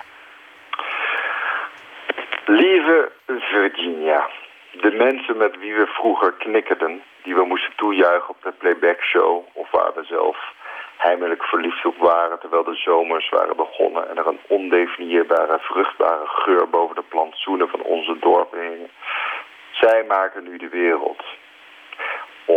Wij, Virginia, wij maken de wereld. De oude stad ligt nu in je handen. En ook jij, Virginia, was nog maar een kind toen de felste kaderleden van de vakbond halverwege de jaren tachtig in de straten van je stad marcheerden, fulminerend tegen de mechanica die de werknemers van Fiat het werk zou afnemen. En nu moet je het doen. Je bent burgemeester. Ik zie hier briljante foto die door Fellini geanceneerd had kunnen zijn. Tussen de donkere muren ligt de warme oranje beeldenis op van een vrouw die voor het laatst haar emoties durft te tonen. Die stad brokkelt af. Er zit graffiti op de klassieke beelden. De fonteinen zijn troebelde rijen voor de loketten te lang. De gaten in de weg te diep. Je moet aan het werk, Virginia. De stad wacht. En ik ken je stad, maar alleen als amalgaam van herinneringen. Ik ken je stad van horen zeggen, maar weet bij elke maaltijd die ik bestel nog niet of ik word opgelicht of beloond. En jij moet het gaan maken, de corruptie bestrijden, de onmin wegnemen, de kartonnen dozen opvouwen waar de zigeunerkinderen stilletjes hun onderkoelde dromen wegsnuiven met de taaie industriële lijn. Er zijn maar weinig momenten dat ik terugdeink, maar dit is zo'n moment waarop ik het zou laten afweten. Ja, daar zeg je iets. Iemand moet het doen. Iemand moet uiteindelijk de leiding nemen en uh, zich laten verkiezen en dan de rotzooi opruimen of proberen er wat van te maken. En eh, wij gaan het niet doen, geloof ik. Nou, het, het, het is fascinerend dat deze dame is uh, ook van, van jou en mijn generatie is. Ze is van 78, dus zijn leeftijdsgenoten verschillen een paar maanden. En dat, weet je, in het jaar dat Buffon, de keeper van, van Italië, waarschijnlijk zijn laatste wedstrijd speelt. Dit betekent echt dat, ja, dat er een nieuwe tijd is aangebroken. En ze zei het ook zelf letterlijk, hè, met ons begint een nieuw tijdperk. En nou ja, ik ben me er ook van bewust dat over een tijdje, dat weet je dan, dan is een, is een premier van mijn, van mijn generatie. Dat vind ik toch wel interessant. Dat betekent dat de tijd echt, echt tikt. Nou ja, er zijn al heel veel politici van, van mijn leeftijd. De, en Cox was ook van 74, net als ik. En ja. hoe heet hij, onze minister van Binnenlandse Zaken, geloof ik. Die, die is ook van 74, er zijn er wel meer. Gelukkig had, ja. had onze generatie nooit zo'n heel erg grote bek. Die hadden niet zoals eerdere generaties zo'n oh, enorme bravoer van we gaan de wereld veranderen. Dat het ons wordt kwalijk genomen later. Dat we, nee, dan kunnen ze ons niks verwijten, want, want mijn generatie wilde vanaf het begin al niks. Nee, dat. Nee, en, en, je ziet waarschijnlijk ook geen compromitterende uh, foto's meer. Ja, hoewel, uh, van mij, ik heb wat dat betreft alle kleuren van de regenboog gehad. Maar goed, ik heb... Uh, ook weer niet de illusie dat ik over enige jaren staatssecretaris of zo zou worden. Dus wat dat betreft zit ik, zit ik veilig. Ik geloof dat ik dan altijd het zijpad zou kiezen en gewoon fijn verhalen blijven schrijven. Moet je ook gewoon doen. Is prima. Het zijpad, het zijpad schittert. Thomas, dank je wel. Goeienacht. Tot morgen. Tot morgen. Dank. De Britse zangeres Laura Mvula houdt zich eh, bezig met uh, gospel, jazz, soul. Maar ze heeft ook klassieke compositieleer gestudeerd. En ze kan ook uh, de grote klassieken zingen en moderne muziek van Messiaen bijvoorbeeld. Een tweede album is er, The Dreaming Room. Er staan weer allemaal prachtige arrangementen op. Bijvoorbeeld dit stuk, Lucky Man.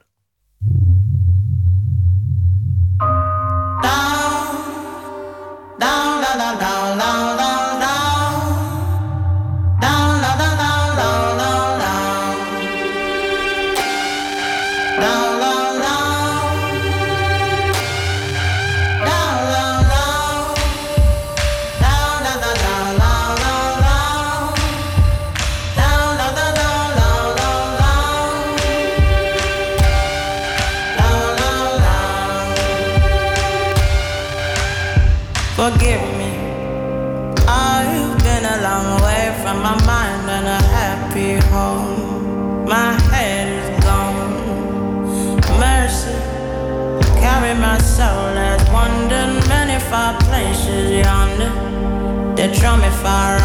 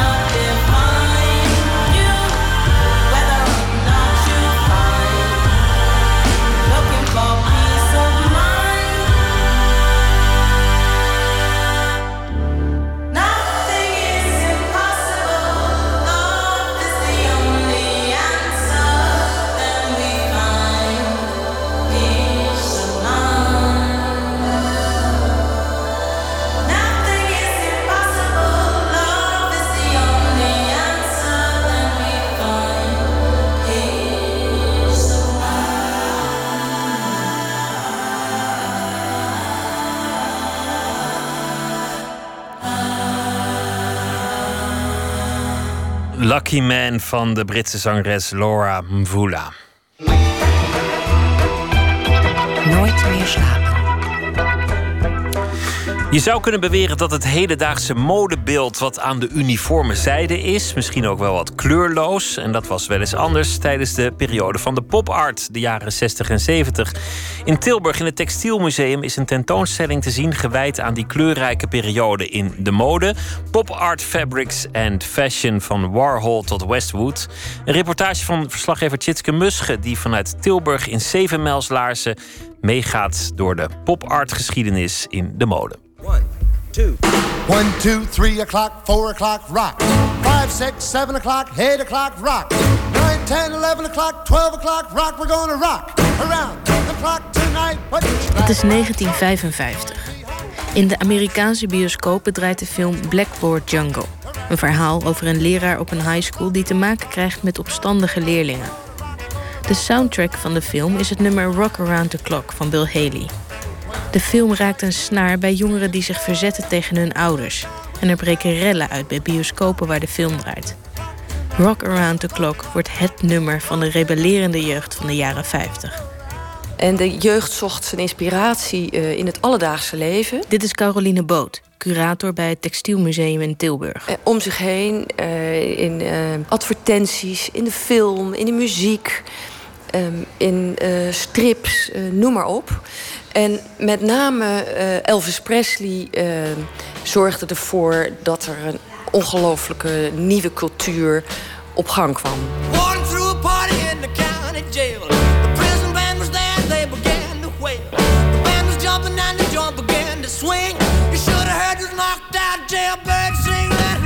De nieuwe popcultuur had een grote invloed op het straatbeeld. Voor het eerst droegen jongeren foto's van pophelden op hun kleding en stoffabrikanten sprongen er gretig op in. Je ziet stoffen met uh, muzikanten erop. Uh, rock around the clock zie je staan. Je ziet gitaren, je ziet uh, allemaal auto's. de hippe scene. En ja, voor, alle, voor iedereen bereikbaar. Maar het was, wel, het was wel wat, hè, deze tienermode. En het was compleet anders dan hun ouders gewend waren. Niet veel later zijn ook kunstenaars zich bezig gaan houden met textielontwerp. Zoals Roy Lichtenstein met zijn strips en Andy Warhol. Ook Warhol zocht zijn inspiratie in het alledaagse leven. Nog voor hij echt doorbrak als pop-art-kunstenaar, werkte hij als grafisch ontwerper. Hij had een vriend, Stephen Bruce, die een restaurant had dat beroemd was om zijn ijsjes. Bruce vroeg Warhol om stoffen te ontwerpen voor zijn café. En dus ontwierp Warhol stoffen met ijsjes in alle kleuren van de regenboog. Die hier ook te zien zijn op de tentoonstelling in Tilburg. Van Andy Warhol zijn hier op deze tentoonstelling vrij veel stoffen en uh, mooie, van zijn stoffen ook mooie kledingstukken gepresenteerd. En eigenlijk was tot voor kort bijna niet bekend dat hij stoffen had gemaakt. Dus het is eigenlijk best een primeur. Dat Warhol ook stoffen ontwierp, dat wist eigenlijk niemand. Zelfs het Andy Warhol Museum in Pittsburgh niet. De samenstellers van deze tentoonstelling. Die samenstellers, dat zijn twee Britten die een enorme collectie pop-art hebben. De samenstellers zijn naar het bekende Andy Warhol Museum in Pittsburgh gegaan en die zeiden: Andy Warhol stoffen? Nee hoor, heeft hij niet gemaakt. Maar zij wisten dat hij het gemaakt had. En ze, hebben, uh, ze mochten dus onderzoek doen. Er staan er nog honderden onuitgepakte dozen uit de nalatenschap van Andy Warhol. En in een van die dozen in het Andy Warhol Museum vonden ze dus tekeningen van de stoffen die Warhol ontworpen heeft. En uiteindelijk spoorden ze ook die stoffen zelf op. Je ziet schijfjes uh, citroen, je ziet appels. Hè, echt zo'n geïsoleerd uh, stukje etenswaar. In Engeland is modeontwerpster Mary Quant op dat moment met heel andere dingen bezig. Carton Tower Hotel. When Mary Quant invades new realms of fashion, bright young girls are interested, and so is the national press. As the outcome of two years' hard work, Mary has perfected the very thing the new generation had been hoping for. Mary Quant wordt wel gezien als de popkoningin van Londen. En aan haar wordt in feite, hoewel uh, hoewel daar de meningen wel een beetje over verdeeld zijn, maar wordt wel de minijurk toegeschreven. Zij was waarschijnlijk, hoogstwaarschijnlijk, de allereerste met de introductie van de minijurk. In een interview legt ze uit waar het idee voor de minirok vandaan kwam. Ik wilde vroeger niet groot worden, zegt Quant. Het viel me op dat jonge meisjes van 12 en 13 bijna als danseressen in hun korte rokken konden bewegen, vertelt ze. Walked and moved with that ease and grace, in fact, more like dancers. Veel sierlijker dan de verlammend lange rokken van hun moeders. High-heeled walk hobble-skirt walk. Quant experimenteerde niet alleen met de lengte van de rokken, maar ook met het materiaal. Prachtige wit-zwarte lakjassen gestreept. De collega's van Quant zijn weer meer geïnspireerd door de maanlanding. It's one small step for man, one giant leap for mankind. Men gaat naar de maan.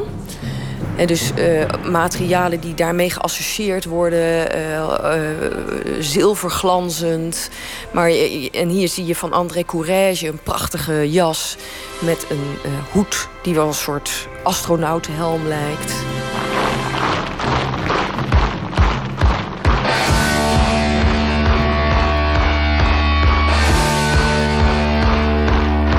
En dan, halverwege de jaren 70, komt de punk op. En dat betekent het begin van het einde voor de optimistische popcultuur. De werkloosheid stijgt en het establishment is zijn beloftes niet nagekomen. Er zijn veel jongere protesten. En die donkere ondertoon die zie je hier echt heel erg in terug. Leidende figuren in de mode zijn dan Vivienne Westwood en Malcolm McLaren. McLaren leidt de band de Sex Pistols. En de bandleden worden aangekleed door zijn echtgenote Westwood.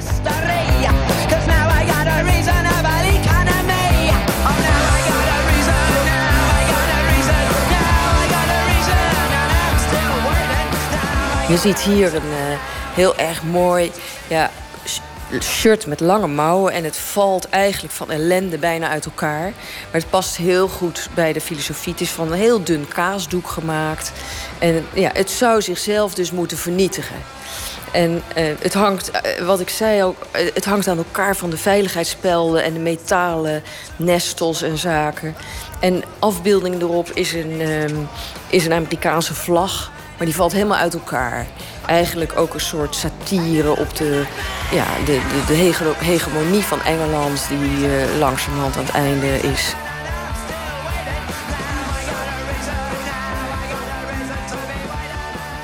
Heb je eigenlijk zelf een favoriet? Wat vind je het mooiste stuk in de tentoonstelling?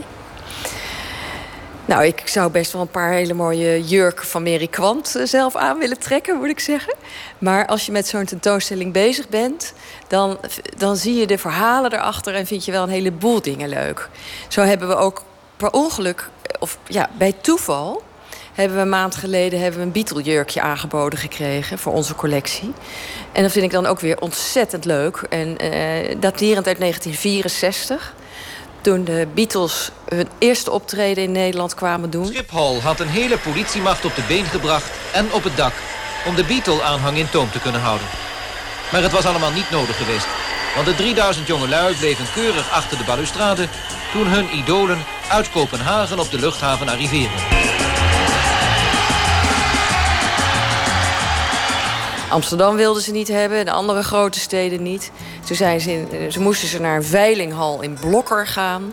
En er was er dus een fabriek in Enschede en die dacht... hé, hey, daar ga ik op inspringen. Ik ga de alleenrechten proberen te verwerven om stoffen te mogen uitbrengen. Onder andere voor een jurkje. Nou, en die hebben we nu gekregen. Die is ook te zien op de tentoonstelling. Ja, dat is een jurkje met eh, de vier hoofden van, eh, van de Beatles eh, erop. Hè? Ja, de huisontwerper van deze stoomweverij Nijverheid, zo heette de fabriek... die heeft het naar mijn idee een beetje amateuristisch getekend. Met gitaartjes aan de ene kant, handtekeningen van de Beatles erop... en dan de, de vier portretten van hun boven elkaar. En ja, daar kon je dan ook weer een mini-jurkje van maken. Is er nou nog iets terug te zien van die pop-art-periode in, in de mode en textiel van nu? Nou, ik vind zelf dat als je uh, de stoffen ziet, bijvoorbeeld van Andy Warhol, dat hij bijvoorbeeld zo'n appel isoleert, zo'n grote appel en een, een, aantal appels, dan denk ik, ja, als je bij IKEA loopt, zie je ook die uitvergrotingen van een stuk fruit of een blad of uh, een stukje sinaasappel of wat dan ook. Dus ja, je ziet wel de invloed van pop, zie je nog steeds wel terug in stoffen en in design.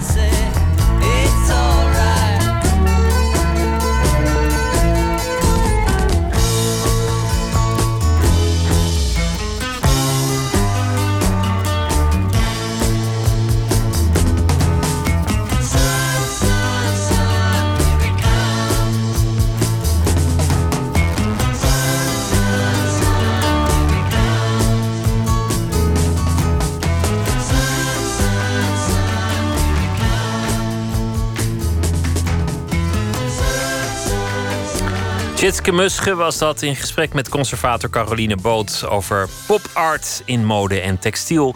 De tentoonstelling heet Van Warhol tot Westwood en die is te zien in Textielmuseum te Tilburg. Uit uh, Australië komt singer-songwriter Martin Kraft. En van hem verscheen deze week een nieuw album, Blood Moon. Waarop te vinden is onder meer dit stuk: Love is the Devil.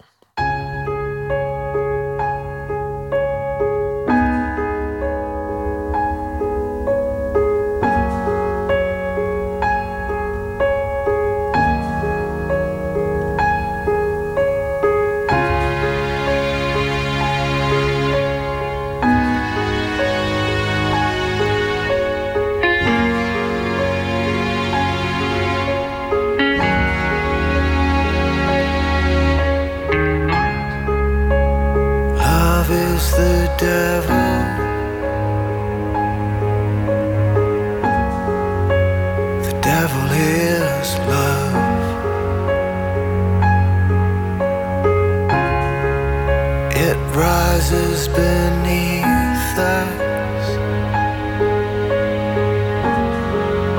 it falls from above. Just when I thought it wasn't so hard,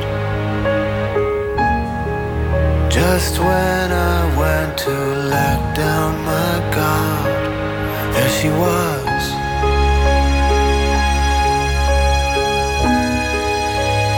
devil.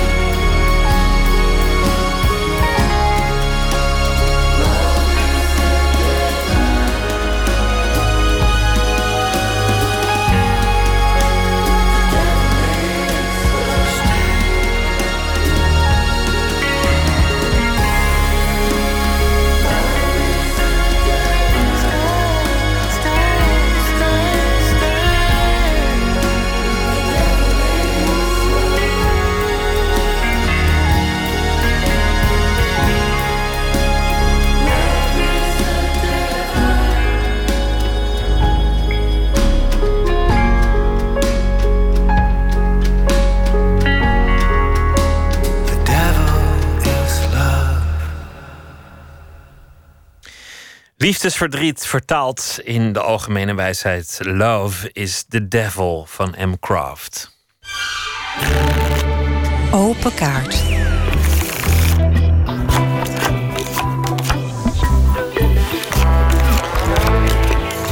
150 vragen. Op elke kaart staat een vraag. En zo komen we tot een gesprek op basis van de willekeur. Vragen over werk en leven. En de gast trekt zelf de vragen. Schrijfster Susanne Jansen zit tegenover mij. In 2008 schreef zij Het Pauperparadijs. Een bestseller werd het. Het ging over de geschiedenis van een kolonie in Veenhuizen voor de armen. Waar een groot deel van haar voorouders ook verbleven heeft. En. Uh, Het begon als een idealistisch project om de mensen kans te geven om zich te emanciperen. Maar langzaamaan kwam de tucht meer centraal te staan en was er van idealisme weinig sprake. Er is nu een voorstelling van uh, gemaakt door Tom de Ket. En die is te zien op de plek waar het zich allemaal heeft afgespeeld in Veenhuizen. Het is uh, afgelopen weekend in première gegaan. Het Gevangenismuseum in Veenhuizen. Suzanne Jansen, welkom. Dank je. Laten we het eerst even hebben over die geschiedenis van Veenhuizen. Het begon als een mooi ideaal. Mhm. Laten we de armen in plaats van uh, te bedelen een nieuwe kans geven. Ja. Een eigen huis, een eigen stuk grond, een kans om zich te ontplooien. Ja. En laten we kijken wat eruit komt. Maar langzaamaan in de geschiedenis verdwijnt dat idealisme naar de achtergrond. En lijkt het wel een strafkolonie. Nou, al heel snel werd het idee van iedereen een eigen kleine hoeve met een stukje grond. werd uh, vervangen door het idee dat. Ja, de, de, de generaal die dit bedacht, die wilde veel meer mensen kunnen opvangen. Dus hij dacht, we bouwen gewoon gestichten. En hij bouwde drie gigantische gestichten in Veenhuizen... waar twee tot drieduizend mensen in pasten per gesticht. En die sliepen op slaapzalen en die konden er niet uit. Dus dat, werd, dat gebeurde al heel snel. We hebben het over zo'n 200 jaar geleden. Het, het, wonderlijke aan het plaatsje Veenhuizen is dat er altijd iets van een strafkolonie-sfeer omheen is blijven hangen. Ja. Ik weet nog, de, de kampementen was ooit een voorstel van Ruud Lubbers. De Lubbers-kampementen, ja. Om, om daar de, de, de hangjongeren naartoe te verplaatsen. Ja. Maar er, er zitten ook van allerlei uh, penitentiaire inrichtingen, Ja. uh, klinieken, noem maar op. Juist op die plek de voorstelling. Ja. Dat, dat is heel bijzonder. Een hele mooie plek natuurlijk. Ja. Het gaat ook over jouw eigen geschiedenis. Ja. Jou- jouw voorouders hebben daar in grote getalen gezeten. En het meest wonderlijke is dat sommigen er ook los van elkaar terechtkwamen. Het is niet zo dat, Dat ze daar ja. generatie op generatie zaten. Ook. Ook. Er hebben drie generaties achter elkaar gezeten. En vervolgens de volgende generatie kwam daar volkomen los van... de schoonfamilie, zeg maar... kwam daar volkomen los eh, van die geschiedenis daarvoor ook terecht. Was ook verloren. Trok het niet in de samenleving. Was te arm, was verslaafd. ehm, en dat was de plek dat. waar je heen ging. Ja. Als je, als je tot de bedelstaf was eh, eh, gedegradeerd, dan kon je daar terechtkomen. Als je Ja. straf had, op wat voor de manier dan ook. Of als je het gewoon niet meer aankon in een koude winter en je meldde je Ja. op het goede moment, dan, dan kwam je daar terecht. Ja. Er terechtkomen was niet zo moeilijk, er vandaan komen Onmogelijk was, was onmogelijk. Ja, dat was bijna onmogelijk. Ja, de regels waren zo strikt dat je bijna niet weg kon komen. Officieel kon het, maar in de praktijk was het erg moeilijk. En bovendien, als je eenmaal weg was, dan was het erg moeilijk om weer te slagen in de gewone wereld. Want de buitenwereld moest je niet meer. Want er, er hing een Vooroordelen waren omheen. heel erg sterk. Ja. Het zegt eigenlijk iets over armoedebestrijding in alle tijden, alle continenten, omdat er in zit dat je de armen verwijt dat ze arm zijn. God, Ja. wat zijn ze vies. God, wat zijn Eigen ze ongemanierd. Ze zullen wel lui zijn. Heb je het wel geprobeerd? Ja, ja, En armoedebestrijding kan heel makkelijk omslaan in bestraffing. ja. Dat gebeurt ook voortdurend. Dat is het, eh, het, het, het neerkijken op mensen die het zelf niet redden. De losers. Dat, dat, ik zou bijna zeggen, dat doen we allemaal in meer of mindere mate. Eh, omdat je allemaal denkt, ja, kijk, ach, in Nederland hoef je toch niet bij de voedselbank terecht te komen. Er zijn toch uitkeringen, er is maatschappelijk werk, er is hulp, er is dat, er is dat. Dus, ach ja, ze zullen het wel zelf. Dat is een, dat is een gevoel, een algemeen gevoel. Dat kun je makkelijk hebben. De een in meer, in grotere mate dan de ander. Ehm, en dat is ook de, de ondergrond, hoe je het ook went of keert, onder veel beleid 200 jaar geleden. En nu ook. Ehm, er zijn eh, strafkortingen. De, de bijstand is in sommige gevallen al vanaf het begin af aan net niet genoeg, zodat je schulden begint op te bouwen. Dit is bekend. En je kunt ook ervoor kiezen om dan eh, iets aan die bedragen te doen. Eh, maar er, hangt nog er hangt altijd het gevoel omheen van ja, het is. Ja, kom op. Los En- het eens op zelf. En de vraag is natuurlijk ook altijd wat is de oorzaak en wat is gevolg. En dat is vaak heel moeilijk te zeggen als het gaat over drankzucht of, of drugverslaving Ja. of huiselijk geweld. Komt het door de armoede?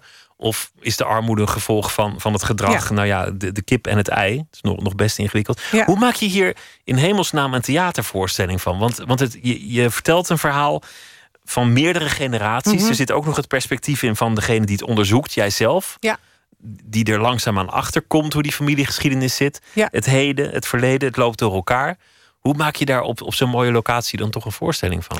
Nou, Tom de Ket en ik hebben samen gekeken naar wat de essentie was van het verhaal. Ehm, en wat de meest. Ja, de, de personen waren in mijn boek, de personages, eh, mijn voorouders, die het meest drama in zich hadden. Want het moest natuurlijk wel theater worden. En daar hebben we. Daar zijn we, met die elementen zijn we opnieuw het verhaal gaan bouwen. Ehm, uiteindelijk hebben we gekozen voor. eh, ik, ik beschrijf vijf generaties van mijn voorouders. Maar we hebben gekozen voor één van die generaties. Mijn bed, bedovergrootouders, Cato Brakshoofden en Teunis Gijben. De, de een katholiek, de ander protestant. De een bewakersdochter, de ander werd bewaakt. Dat was dus een, een huwelijk dat helemaal niet had mogen zijn. En daar hebben we alle elementen die we belangrijk vonden ingestopt in, in, in hun verhaal. En daarnaast ehm, komt de, speelt de generaal die dit allemaal heeft bedacht een grote rol. Hij heeft prachtige idealen gehad, heel hard daarvoor gevochten, maar het ging helemaal down the drain. En dat drama laten we ook zien. Ehm, en tegenover hem hebben we een verteller uit onze tijd, die hem voor de voeten werpt wat er allemaal is misgegaan. Wat hij allemaal verkeerd heeft gedaan. En vervolgens kijkt die generaal hem aan en zegt: Oh ja, en hoe doen jullie het dan? En komt met allemaal voorbeelden. En dan gaat het ook over nu, over het heden. Dat, Precies. dat is een verschil. Hij becommentarieert het heden. Ik heb dat in mijn boek niet letterlijk gedaan, maar de verwijzingen zijn wel voor heel veel lezers duidelijk. Voor de goede verstaander is het, is het zeker duidelijk. Laten we beginnen met de kaarten. Dit is de bak. En ik wil je vragen om ergens een kaart te trekken en voor te lezen welke vraag er staat. Oké, Ja. ik ben heel benieuwd. Oeps, wie zou minister-president moeten zijn? Tja, daar ga je al. Ja, wat moet ik daar nou op antwoorden? daar heb ik echt geen idee. Heb je daar voorkeuren in? Ik, ik heb geen naam, geen mens voor ogen waarvan ik denk die zou minister-president moeten zijn. Welke eigenschappen vind je dat een goede minister-president moet hebben? Iets abstracter. Ehm, Waar hoop je op? ik, ik hoop op iemand die eh, eh, eh, aan de ene kant professioneel is in het besturen. Dus gewoon een vakvrouw of een vakman. Eh, maar aan de andere kant eh, zich laat drijven door mededogen. Mededogen is wel een centraal thema. In, in je boek, in de voorstelling, Ja. is natuurlijk iets dat makkelijk verloren gaat. De, de overheid die, die speelt steeds vaker de, de rol van de, de strenge hoeder. We Mhm. moeten streng zijn, regels zijn Mhm, mhm. regels. Ja, nou, je, Je je, citeert letterlijk gedaan. uit het stuk, zonder het te weten. Nou ja, mededogen vind ik een, een mooie eigenschap voor iemand Mhm. die de baas is. Ja, een hele belangrijke voor iemand die de baas is. Juist voor iemand die de baas is. Voor iemand die macht heeft. Laten we nog één proberen. Ja. Wanneer wist je dat je dit werk wilde doen? Ah, dat is wel een mooie. Ik ben van het eh, ene beroep naar het andere gezapt in mijn leven. Eh, eh, dat was niet de bedoeling, maar zo liepen de dingen. En ehm, een boek schrijven wilde ik in elk geval nooit. Dat was heel duidelijk. Dat leek Dat me helemaal niks. en ik moet je zeggen, ik vond het ook helemaal niet leuk om het te doen. Ik vond het heel zwaar. Ik vond het heel moeilijk. Ehm, en ik ben met dat boek vier jaar bezig geweest. Eh, met de gedachte dat niemand het ooit zou gaan lezen. Dat is godzijdank heel anders uitgepakt. Maar ik vond dat een, een, eh, heel zwaar. En toen het af was en toen het boek eh, ja, goed ontvangen werd... had iedereen meteen de verwachting dat ik schrijver was. En dat er dus nog een boek zou komen. Terwijl ik zelf dacht, ja, dat ga ik dus echt nooit meer doen. Het viel me veel te zwaar. Ehm, inmiddels ben ik wel weer eh, een ander boek aan het schrijven, overigens. Maar ik, ehm, ik wist dus nooit dat ik schrijver wilde worden. Want ik weet dat nog steeds niet. Ik wil verhalen vertellen. Ehm, en eh, eh, een boek schrijven is daar een vorm voor. Deze voorstelling, waar ik heel nauw bij betrokken ben, ik doe de dramaturgie, heb de dramaturgie gedaan. ehm, ja, dat is ook een manier om een verhaal te vertellen. Maar wanneer, wanneer kwam het dat je toch een boek ging schrijven, ook al had je het uitgesloten? Was het gewoon omdat het verhaal. Ja, het verhaal heeft me was? gedwongen. Ja, het verhaal heeft me echt gedwongen. Ik heb het eerst geprobeerd in een artikel te zetten en het paste niet. Het werd te groot. Ja, veel te, Te groot. mooi. Nee, te groot. En het was te belangrijk om het niet helemaal te vertellen. Ik ben echt gedwongen door het verhaal. En ging je daarin verdiepen vanwege een artikel? Of, of was het toch ook een persoonlijke nieuwsgierigheid? Ik, ik ben bij toeval dit verhaal op het spoor gekomen via eh, eh, mijn familiegeschiedenis, die ik niet kende. daar heb ik toevallig iets van over gevonden. En toen kwam ik Veenhuizen tegen en die gestichten. En ik had daar nog nooit van gehoord. En ik ben me daarin gaan verdiepen. Gewoon echt persoonlijke nieuwsgierigheid. Tot ik zag dat dat een verhaal was dat, ja, dat, dat heel erg veel mensen aanging. Er hebben iets van 100.000 mensen daar gezeten. En er zijn, dat is uitgerekend, er zijn 1 miljoen Nederlanders op dit moment die voorouders hebben gehad daar. Dat is dus een gigantisch groot verhaal. Die van pauperstammen eigenlijk. Nou, Van de mensen uit die, uit die, ja, uit die maatschappij van weldadigheidsstammen. Is dat ook een soort gevoel, zoals, zoals iemand misschien, ook al is hij al lang niet meer rijk en heeft hij niet meer een kasteel, toch het gevoel kan hebben: nou ja, ik ben van adel. Nou, Om- ik ken het gevoel je alleen maar andersom. Deze ken ik niet. Omgekeerde adel. Want heb je, heb je Ja. misschien ergens een soort vlekje in je bewustzijn van ik stam van paupers? Werkt dat door? Ah, Het werkt heel erg door en dat heb ik eigenlijk pas begrepen toen ik het, toen ik het wist. Het, het werkt eh, absoluut door. Ik ben zelf nooit arm geweest, maar mijn moeder wel. Echt heel arm. Ehm, stamt echt uit een heel arm gezin. En die, die, ja, wat ik noem de mentaliteit van de armoede, heb ik wel meegekregen. Dus ik heb altijd het idee gehad ehm, ja, dat de wereld niet zoveel van mij is als van iemand anders. Dat ik niet per se alles zou kunnen worden. Je hoeft Sommige dingen zijn voor andere op te mensen. eisen. Dat heb je niet geleerd om, de, om je ruimte in te nemen. Precies, dat is, dat is heel mooi hoe je het zegt. Dat is eh, heel essentieel. Ik heb pas toen mijn boek af was en toen ik die geschiedenis kon overzien, heb ik gemerkt dat het geen ruimte innemen een eigenschap is geweest die mijn voorouders nodig hebben gehad om te overleven. Anders zouden ze hun werk kwijtraken of allerlei instanties waar ze van afhankelijk waren om te overleven, zouden ze dan, eh, daar zouden ze niet meer terecht kunnen.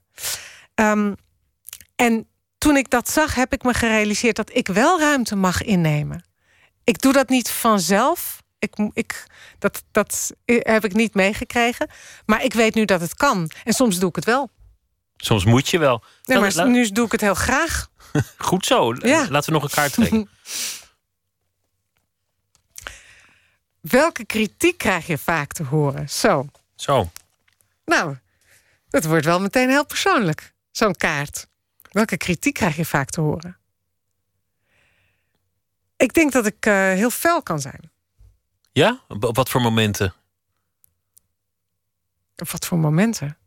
Ehm, nee, wat ik vaak te horen krijg, eh, wat mijzelf verbaast. ehm, ik, word, ik word vaak eh, gezien als eh, alsof ik boos ben. Terwijl ik gewoon in een, in een enthousiast gesprek verzeild ben geraakt. In discussies en zo. In discussies, maar soms is het dan voor mij niet eens een discussie. Dan ben je Ehm, zo fel, dan denkt die ander dat je boos bent. En dan dat, dat het persoonlijk is. Ja. Zullen we er nog één doen? Hoe wil je dat mensen zich jou herinneren? Dit vind ik zo'n tricky vraag. Ik heb hem een keer. ehm, de, de, de- ik, ik, ik heb een keer een workshop gedaan, een Amerikaanse workshop, waar ik in verzeild was geraakt. En, de, en de, het, het meest diepzinnige van die workshop was: wat wil je dat er later op je grafsteen staat? En ik. Ja. ik, ben, ik ben afgehaakt daar, want ik vond dat echt een... Ja, sorry hoor, we doen hier een commerciële workshop... of waar ging het over, ik weet niet meer. Dit, dit- hier heb ik geen zin in. Hoe wil je dat mensen zich jou herinneren? Dat vind ik ook al zo'n... Maar als je het bij zo'n workshop vraagt, dan is het bijna alsof dat dan een target wordt. Dus, Ja, dus dat ja, jij daar naartoe ja. moet leven nu al, zodat dan later op je steen, terwijl jij dan hartstikke dood bent, komt te staan. Eh, eh, Susanna kon heel goed schrijven of zoiets. Ja, Of weet ik veel maar vooral ze, ze hield van de mensen of zoiets. Moet het dan allemaal zijn. Met, dat, met, dat, met die Amerikaanse suiker die er over die workshop heen hing. Nee, ik kan me wel voorstellen dat je dat eh, laat het aan je nabestaanden. Die zien wel toch? Ja, iedere, ja, ja, ja. Dat, ik, ik probeer heel erg nu te leven. Nu. De voorstelling heet het eh, Pauperparadijs in Veenhuizen te zien in het eh, gevangenismuseum. Al daar, Susanna Jansen, dank je wel. Graag gedaan. We gaan luisteren naar een oude muzikant uit de country blueshoek. Lightning Hopkins. Van hem is het nummer Bring Me My Shotgun. Whoa,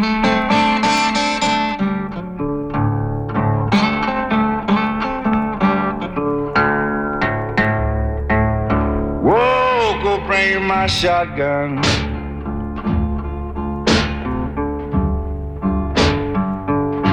Oh, lightning gonna start a shooting again.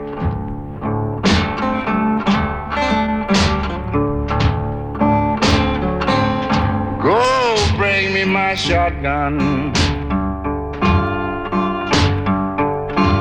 You know I just gotta start shooting again.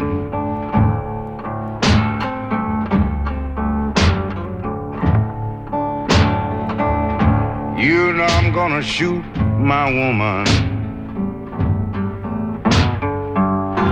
Cause she's fooling around with too many men.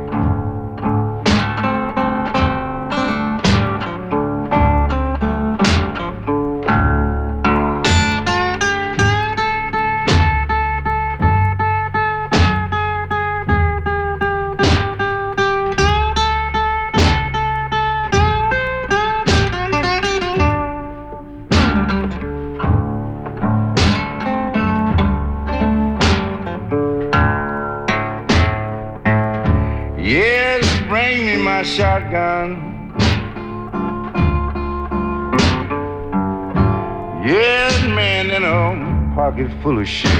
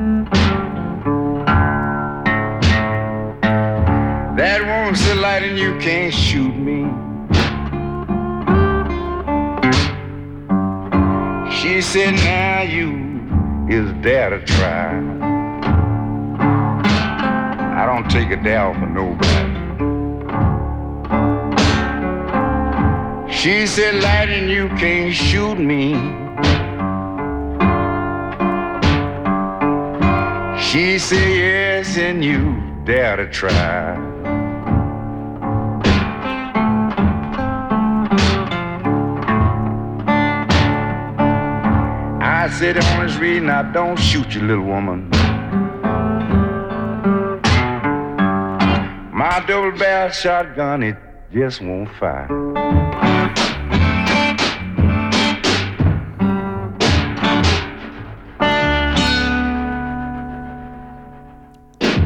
De elektrische gitaar als pistool Lightning Hopkins met Bring Me My Shotgun. Nooit meer slapen. Afgelopen weekend kwam een grote bus met orkestleden van het Orchestra of Syrian Musicians aan te Amsterdam, herenigd met hun collega koorleden die zes jaar geleden zijn gevlucht voor de burgeroorlog in Syrië. Woensdagavond zullen ze spelen in Carré samen met de Britse muzikant Damon Albarn, bekend van Blur en uh, de Gorillas. Nachtcorrespondent Luc Heesen mocht al kijken bij de repetities. Welkom. Dank je. Laten we eerst even duiken in de geschiedenis van dit orkest. Hoe is het allemaal gegaan? Hoe zijn ze in Carré terechtgekomen? Ja, dat is door het Holland Festival uh, uh, te danken. Zij hebben ze op een uh, bus weten te krijgen. De meeste leden van het orkest die, die komen uit het Syrische Nationale Orkest voor Arabische Muziek. Goede muzikanten speelden jarenlang op hoog niveau, klassieke muziek, Arabisch. Totdat natuurlijk in 2011 die burgeroorlog uitbrak. 17 van de orkestleden die zijn gevlucht en de dirigent die zit in Amerika. De rest zo'n beetje in Oost-Europa en de rest van Europa. En uh, ja, sindsdien hebben ze eigenlijk niet meer samen gespeeld. Dus sinds die burgeroorlog. Uh, en door hun optreden komende woensdag zijn ze na zes jaar voor het eerst herenigd. En dat roept best wel een hoop emoties op, vertelt violist Tariq Setiye. Years come back like what it, it was before, maybe five or six years back. So we are living again what we had done before. We are uh, chatting a lot, speaking a lot about things that it's happening with them here in Europe or with us in Syria. So you you feel that 24 hours in day is not enough to speak a lot about what what we have during the past six years. De geschiedenis van het orkest is uh, bijzonder, maar ze spelen ook nog samen met Damon Albarn wel degelijk een hele grote ster. Hoe is die samenwerking tot stand gekomen? Ja, Albarn die is, kennen we inderdaad vooral van, van Blur, hè, van de Gorilla's. Uh, maar het is eigenlijk een muzikale omnivoor. Hij, hij, maakte eerder wat hij zelf noemde een circusopera, gebaseerd op een Chinees boek. Uh, hij heeft een album gebruikt in Malinese muziek. En hij is dus ook liefhebber van klassieke Syrische muziek. Hij werkte eerder al met de Syrische rapper Eslam Jouad. En Jouad heeft hem in contact gebracht met dit orkest, het Syrische orkest. Uh, en Elbern die raakte gefascineerd door die muziek... en die heeft een nummer met ze opgenomen in 2010... en met ze getoerd namens de Gorilla's. In 2010 hebben ze nog samen gespeeld. In 2011 brak de ellende uit in Syrië. Hoe, hoe is het toen verder gegaan? Nou, Elben die, die bekijkt dat allemaal vanuit Engeland, wetende dat dat orkest uit elkaar valt. En dat de vrienden die hij gemaakt heeft, ja, die, die zijn verspreid over de hele wereld eigenlijk. Toeren niet meer samen. Uh, en hij ziet alleen nog maar die verhalen van, van oorlog en terreur. Dus hij zegt, ik ga daar iets tegenover stellen. Een positiever beeld en een ander perspectief. Nou, Elben was er vandaag ook, hij repeteerde mee. Maar ik kreeg hem niet voor mijn microfoon. Hij zei, nou ja, ik ga, ik ga niet met de pers praten. Het verhaal moet vanuit de Syriërs komen. Zij moeten hun eigen verhaal kunnen vertellen. En dat deed bijvoorbeeld rapper Joat. En hij wil eigenlijk voorkomen dat iedereen denkt dat zijn land één groot oorlogsgebied is. People are human. They laugh, they joke, they play, they uh, you know get on with life. They enjoy music. They uh, you know they're just like you. it's not just this image of uh, you know uh, people at war or fighting each other or being killed or dying or whatever. You know. Ja, er is ook nog normaliteit in Syrië, zegt hij eigenlijk. Het leven gaat ook daardoor. Het is niet alleen maar ellende, ook al zijn dat uh, de beelden. Wat gaat er gebeuren tijdens het concert? Wat, wat gaan ze spelen? Nou, we gaan ongeveer 15 liedjes horen. Althans, we, als je erbij bent of bij wil zijn, want er zijn nog kaarten. Uh, 15 liedjes, vijf echt klassiek Arabisch. En de andere 10, dat zijn uh, mengsels van de traditionele muziek en popmuziek. Uh, met onder andere de rapper die we zo net hoorden in de, in de quote. Maar ook een van de eerste vrouwelijke rappers uit Libanon. Ook heel uh, uh, interessant. Malika heet ze. Afrikaanse artiesten. En de grote Britse muzikant Paul Weller. hier is een voorbeeld van die, die klassieke Arabische muziek. Zo klinkt het ongeveer.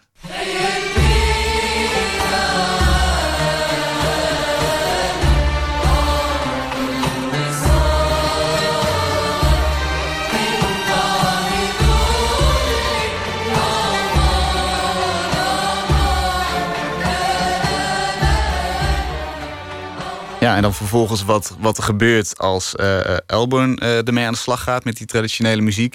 En die voegt er dan bijvoorbeeld rap aan toe.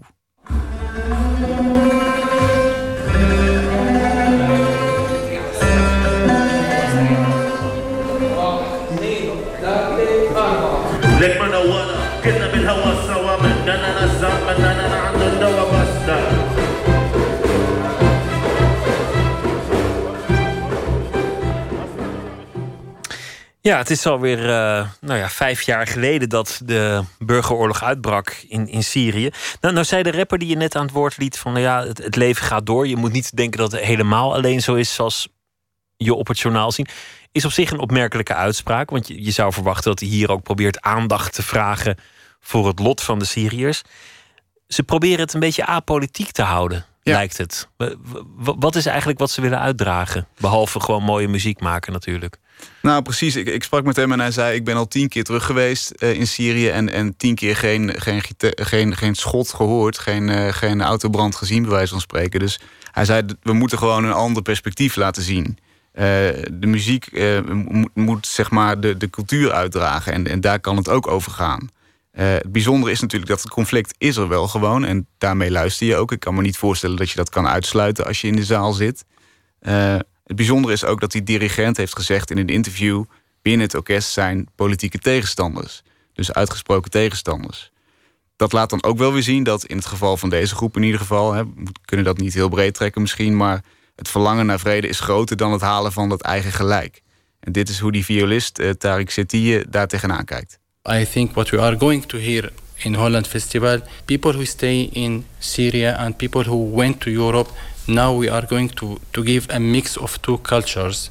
So it will show people that even though we, we separated by countries or by continents, we now have different cultures, but at the end we are on the same page. We, we are looking for peace, we are looking for having a great life and to show people how we can become together again after this very long time. Muziek als eh, verenigende factor om uh, verschillen te overbruggen. Met Paul Weller en Damon Albarn. Dus, dus echt uh, grote westerse muzikanten met een prachtig en bijzonder orkest. Zeker. Woensdagavond in Carré en je zei dat er nog kaarten zijn. Ja, ik heb het zo net nog gecheckt. Er zijn nog een aantal kaarten. Luc Heesen, dankjewel. Alsjeblieft. We gaan luisteren naar Nick Cave en The Bad Seeds met Muddy Water.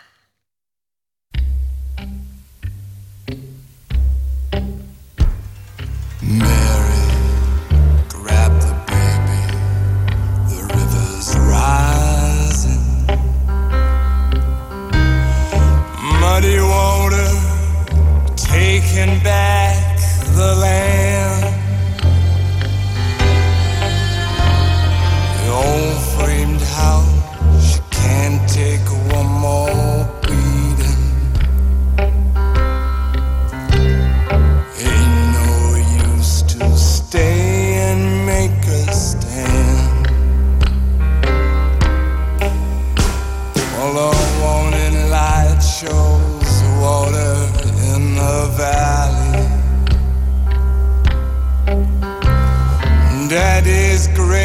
Just went below the line. Things to say, you just can't take 'em with you.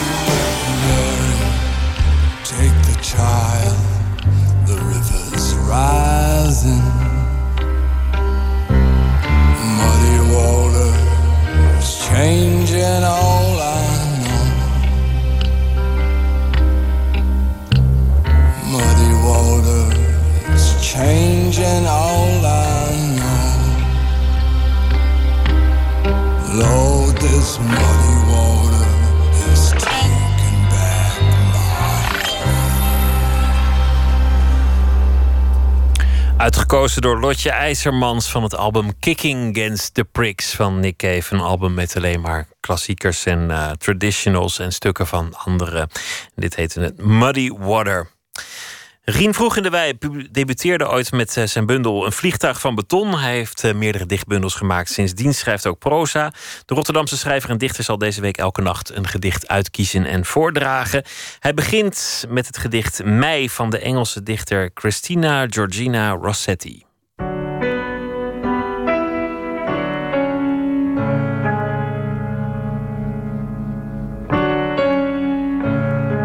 Een gedicht van uh, Christina Georgina Rossetti, die Engelse dichteres, die leefde van 1830 tot 1894. Uh, zij was een zus van de veel beroemdere, bekendere dichter en schilder Dante Gabriele Rossetti. Maar uh, zij schreef toch ook mooie gedichten. En uh, er is een gedicht wat ik op een gegeven moment tegenkwam... een aantal jaren geleden, waarvan ik dacht... dat moet ik vertalen, kijken hoe dat in het Nederlands overkomt. En dat haal ik ook ieder voorjaar weer even tevoorschijn. En ik laat het wat mensen lezen. Ik stuur het wat mensen toe. Omdat het zo mooi de, de voorjaar aankondigt, maar ook de vergankelijkheid daarvan. Mei. Ik kan je niet vertellen hoe het was, maar dit weet ik. Het overkwam mij op een heldere en frisse dag toen mei begon. O heerlijk mei. Wanneer de klaproos nog niet, wanneer de klaproos nog niet bloeit, tussen de halmen van het jonge koren, de laatste eieren worden uitgebroed en nog geen vogel is gevlogen. Ik kan je niet vertellen wat het was, maar dit weet ik. Het ging heen. Het verdween toen mij voorbij was. Met alle zoete dingen ging het heen. En liet mij oud en koud en grijs alleen. Rien vroeg in de wei las het gedicht Mei van Christina Georgina Rossetti. Morgen in Nooit meer slapen komt Michael Dudok de Wit langs. Tekenaar, illustrator, filmregisseur en animator. heeft een nieuwe film gemaakt The Red Turtle. De première was vanavond in Amsterdam. En onlangs was de wereldpremière op het filmfestival in Cannes. Hij won ooit een Oscar voor de korte animatiefilm Father and Daughter. En ook de nieuwe film is een heel bijzonder project. Daarover meer morgen. Voor nu een hele goede nacht. En eh, veel plezier met de EO. En ik hoop dat u morgen weer luistert. Tot dan.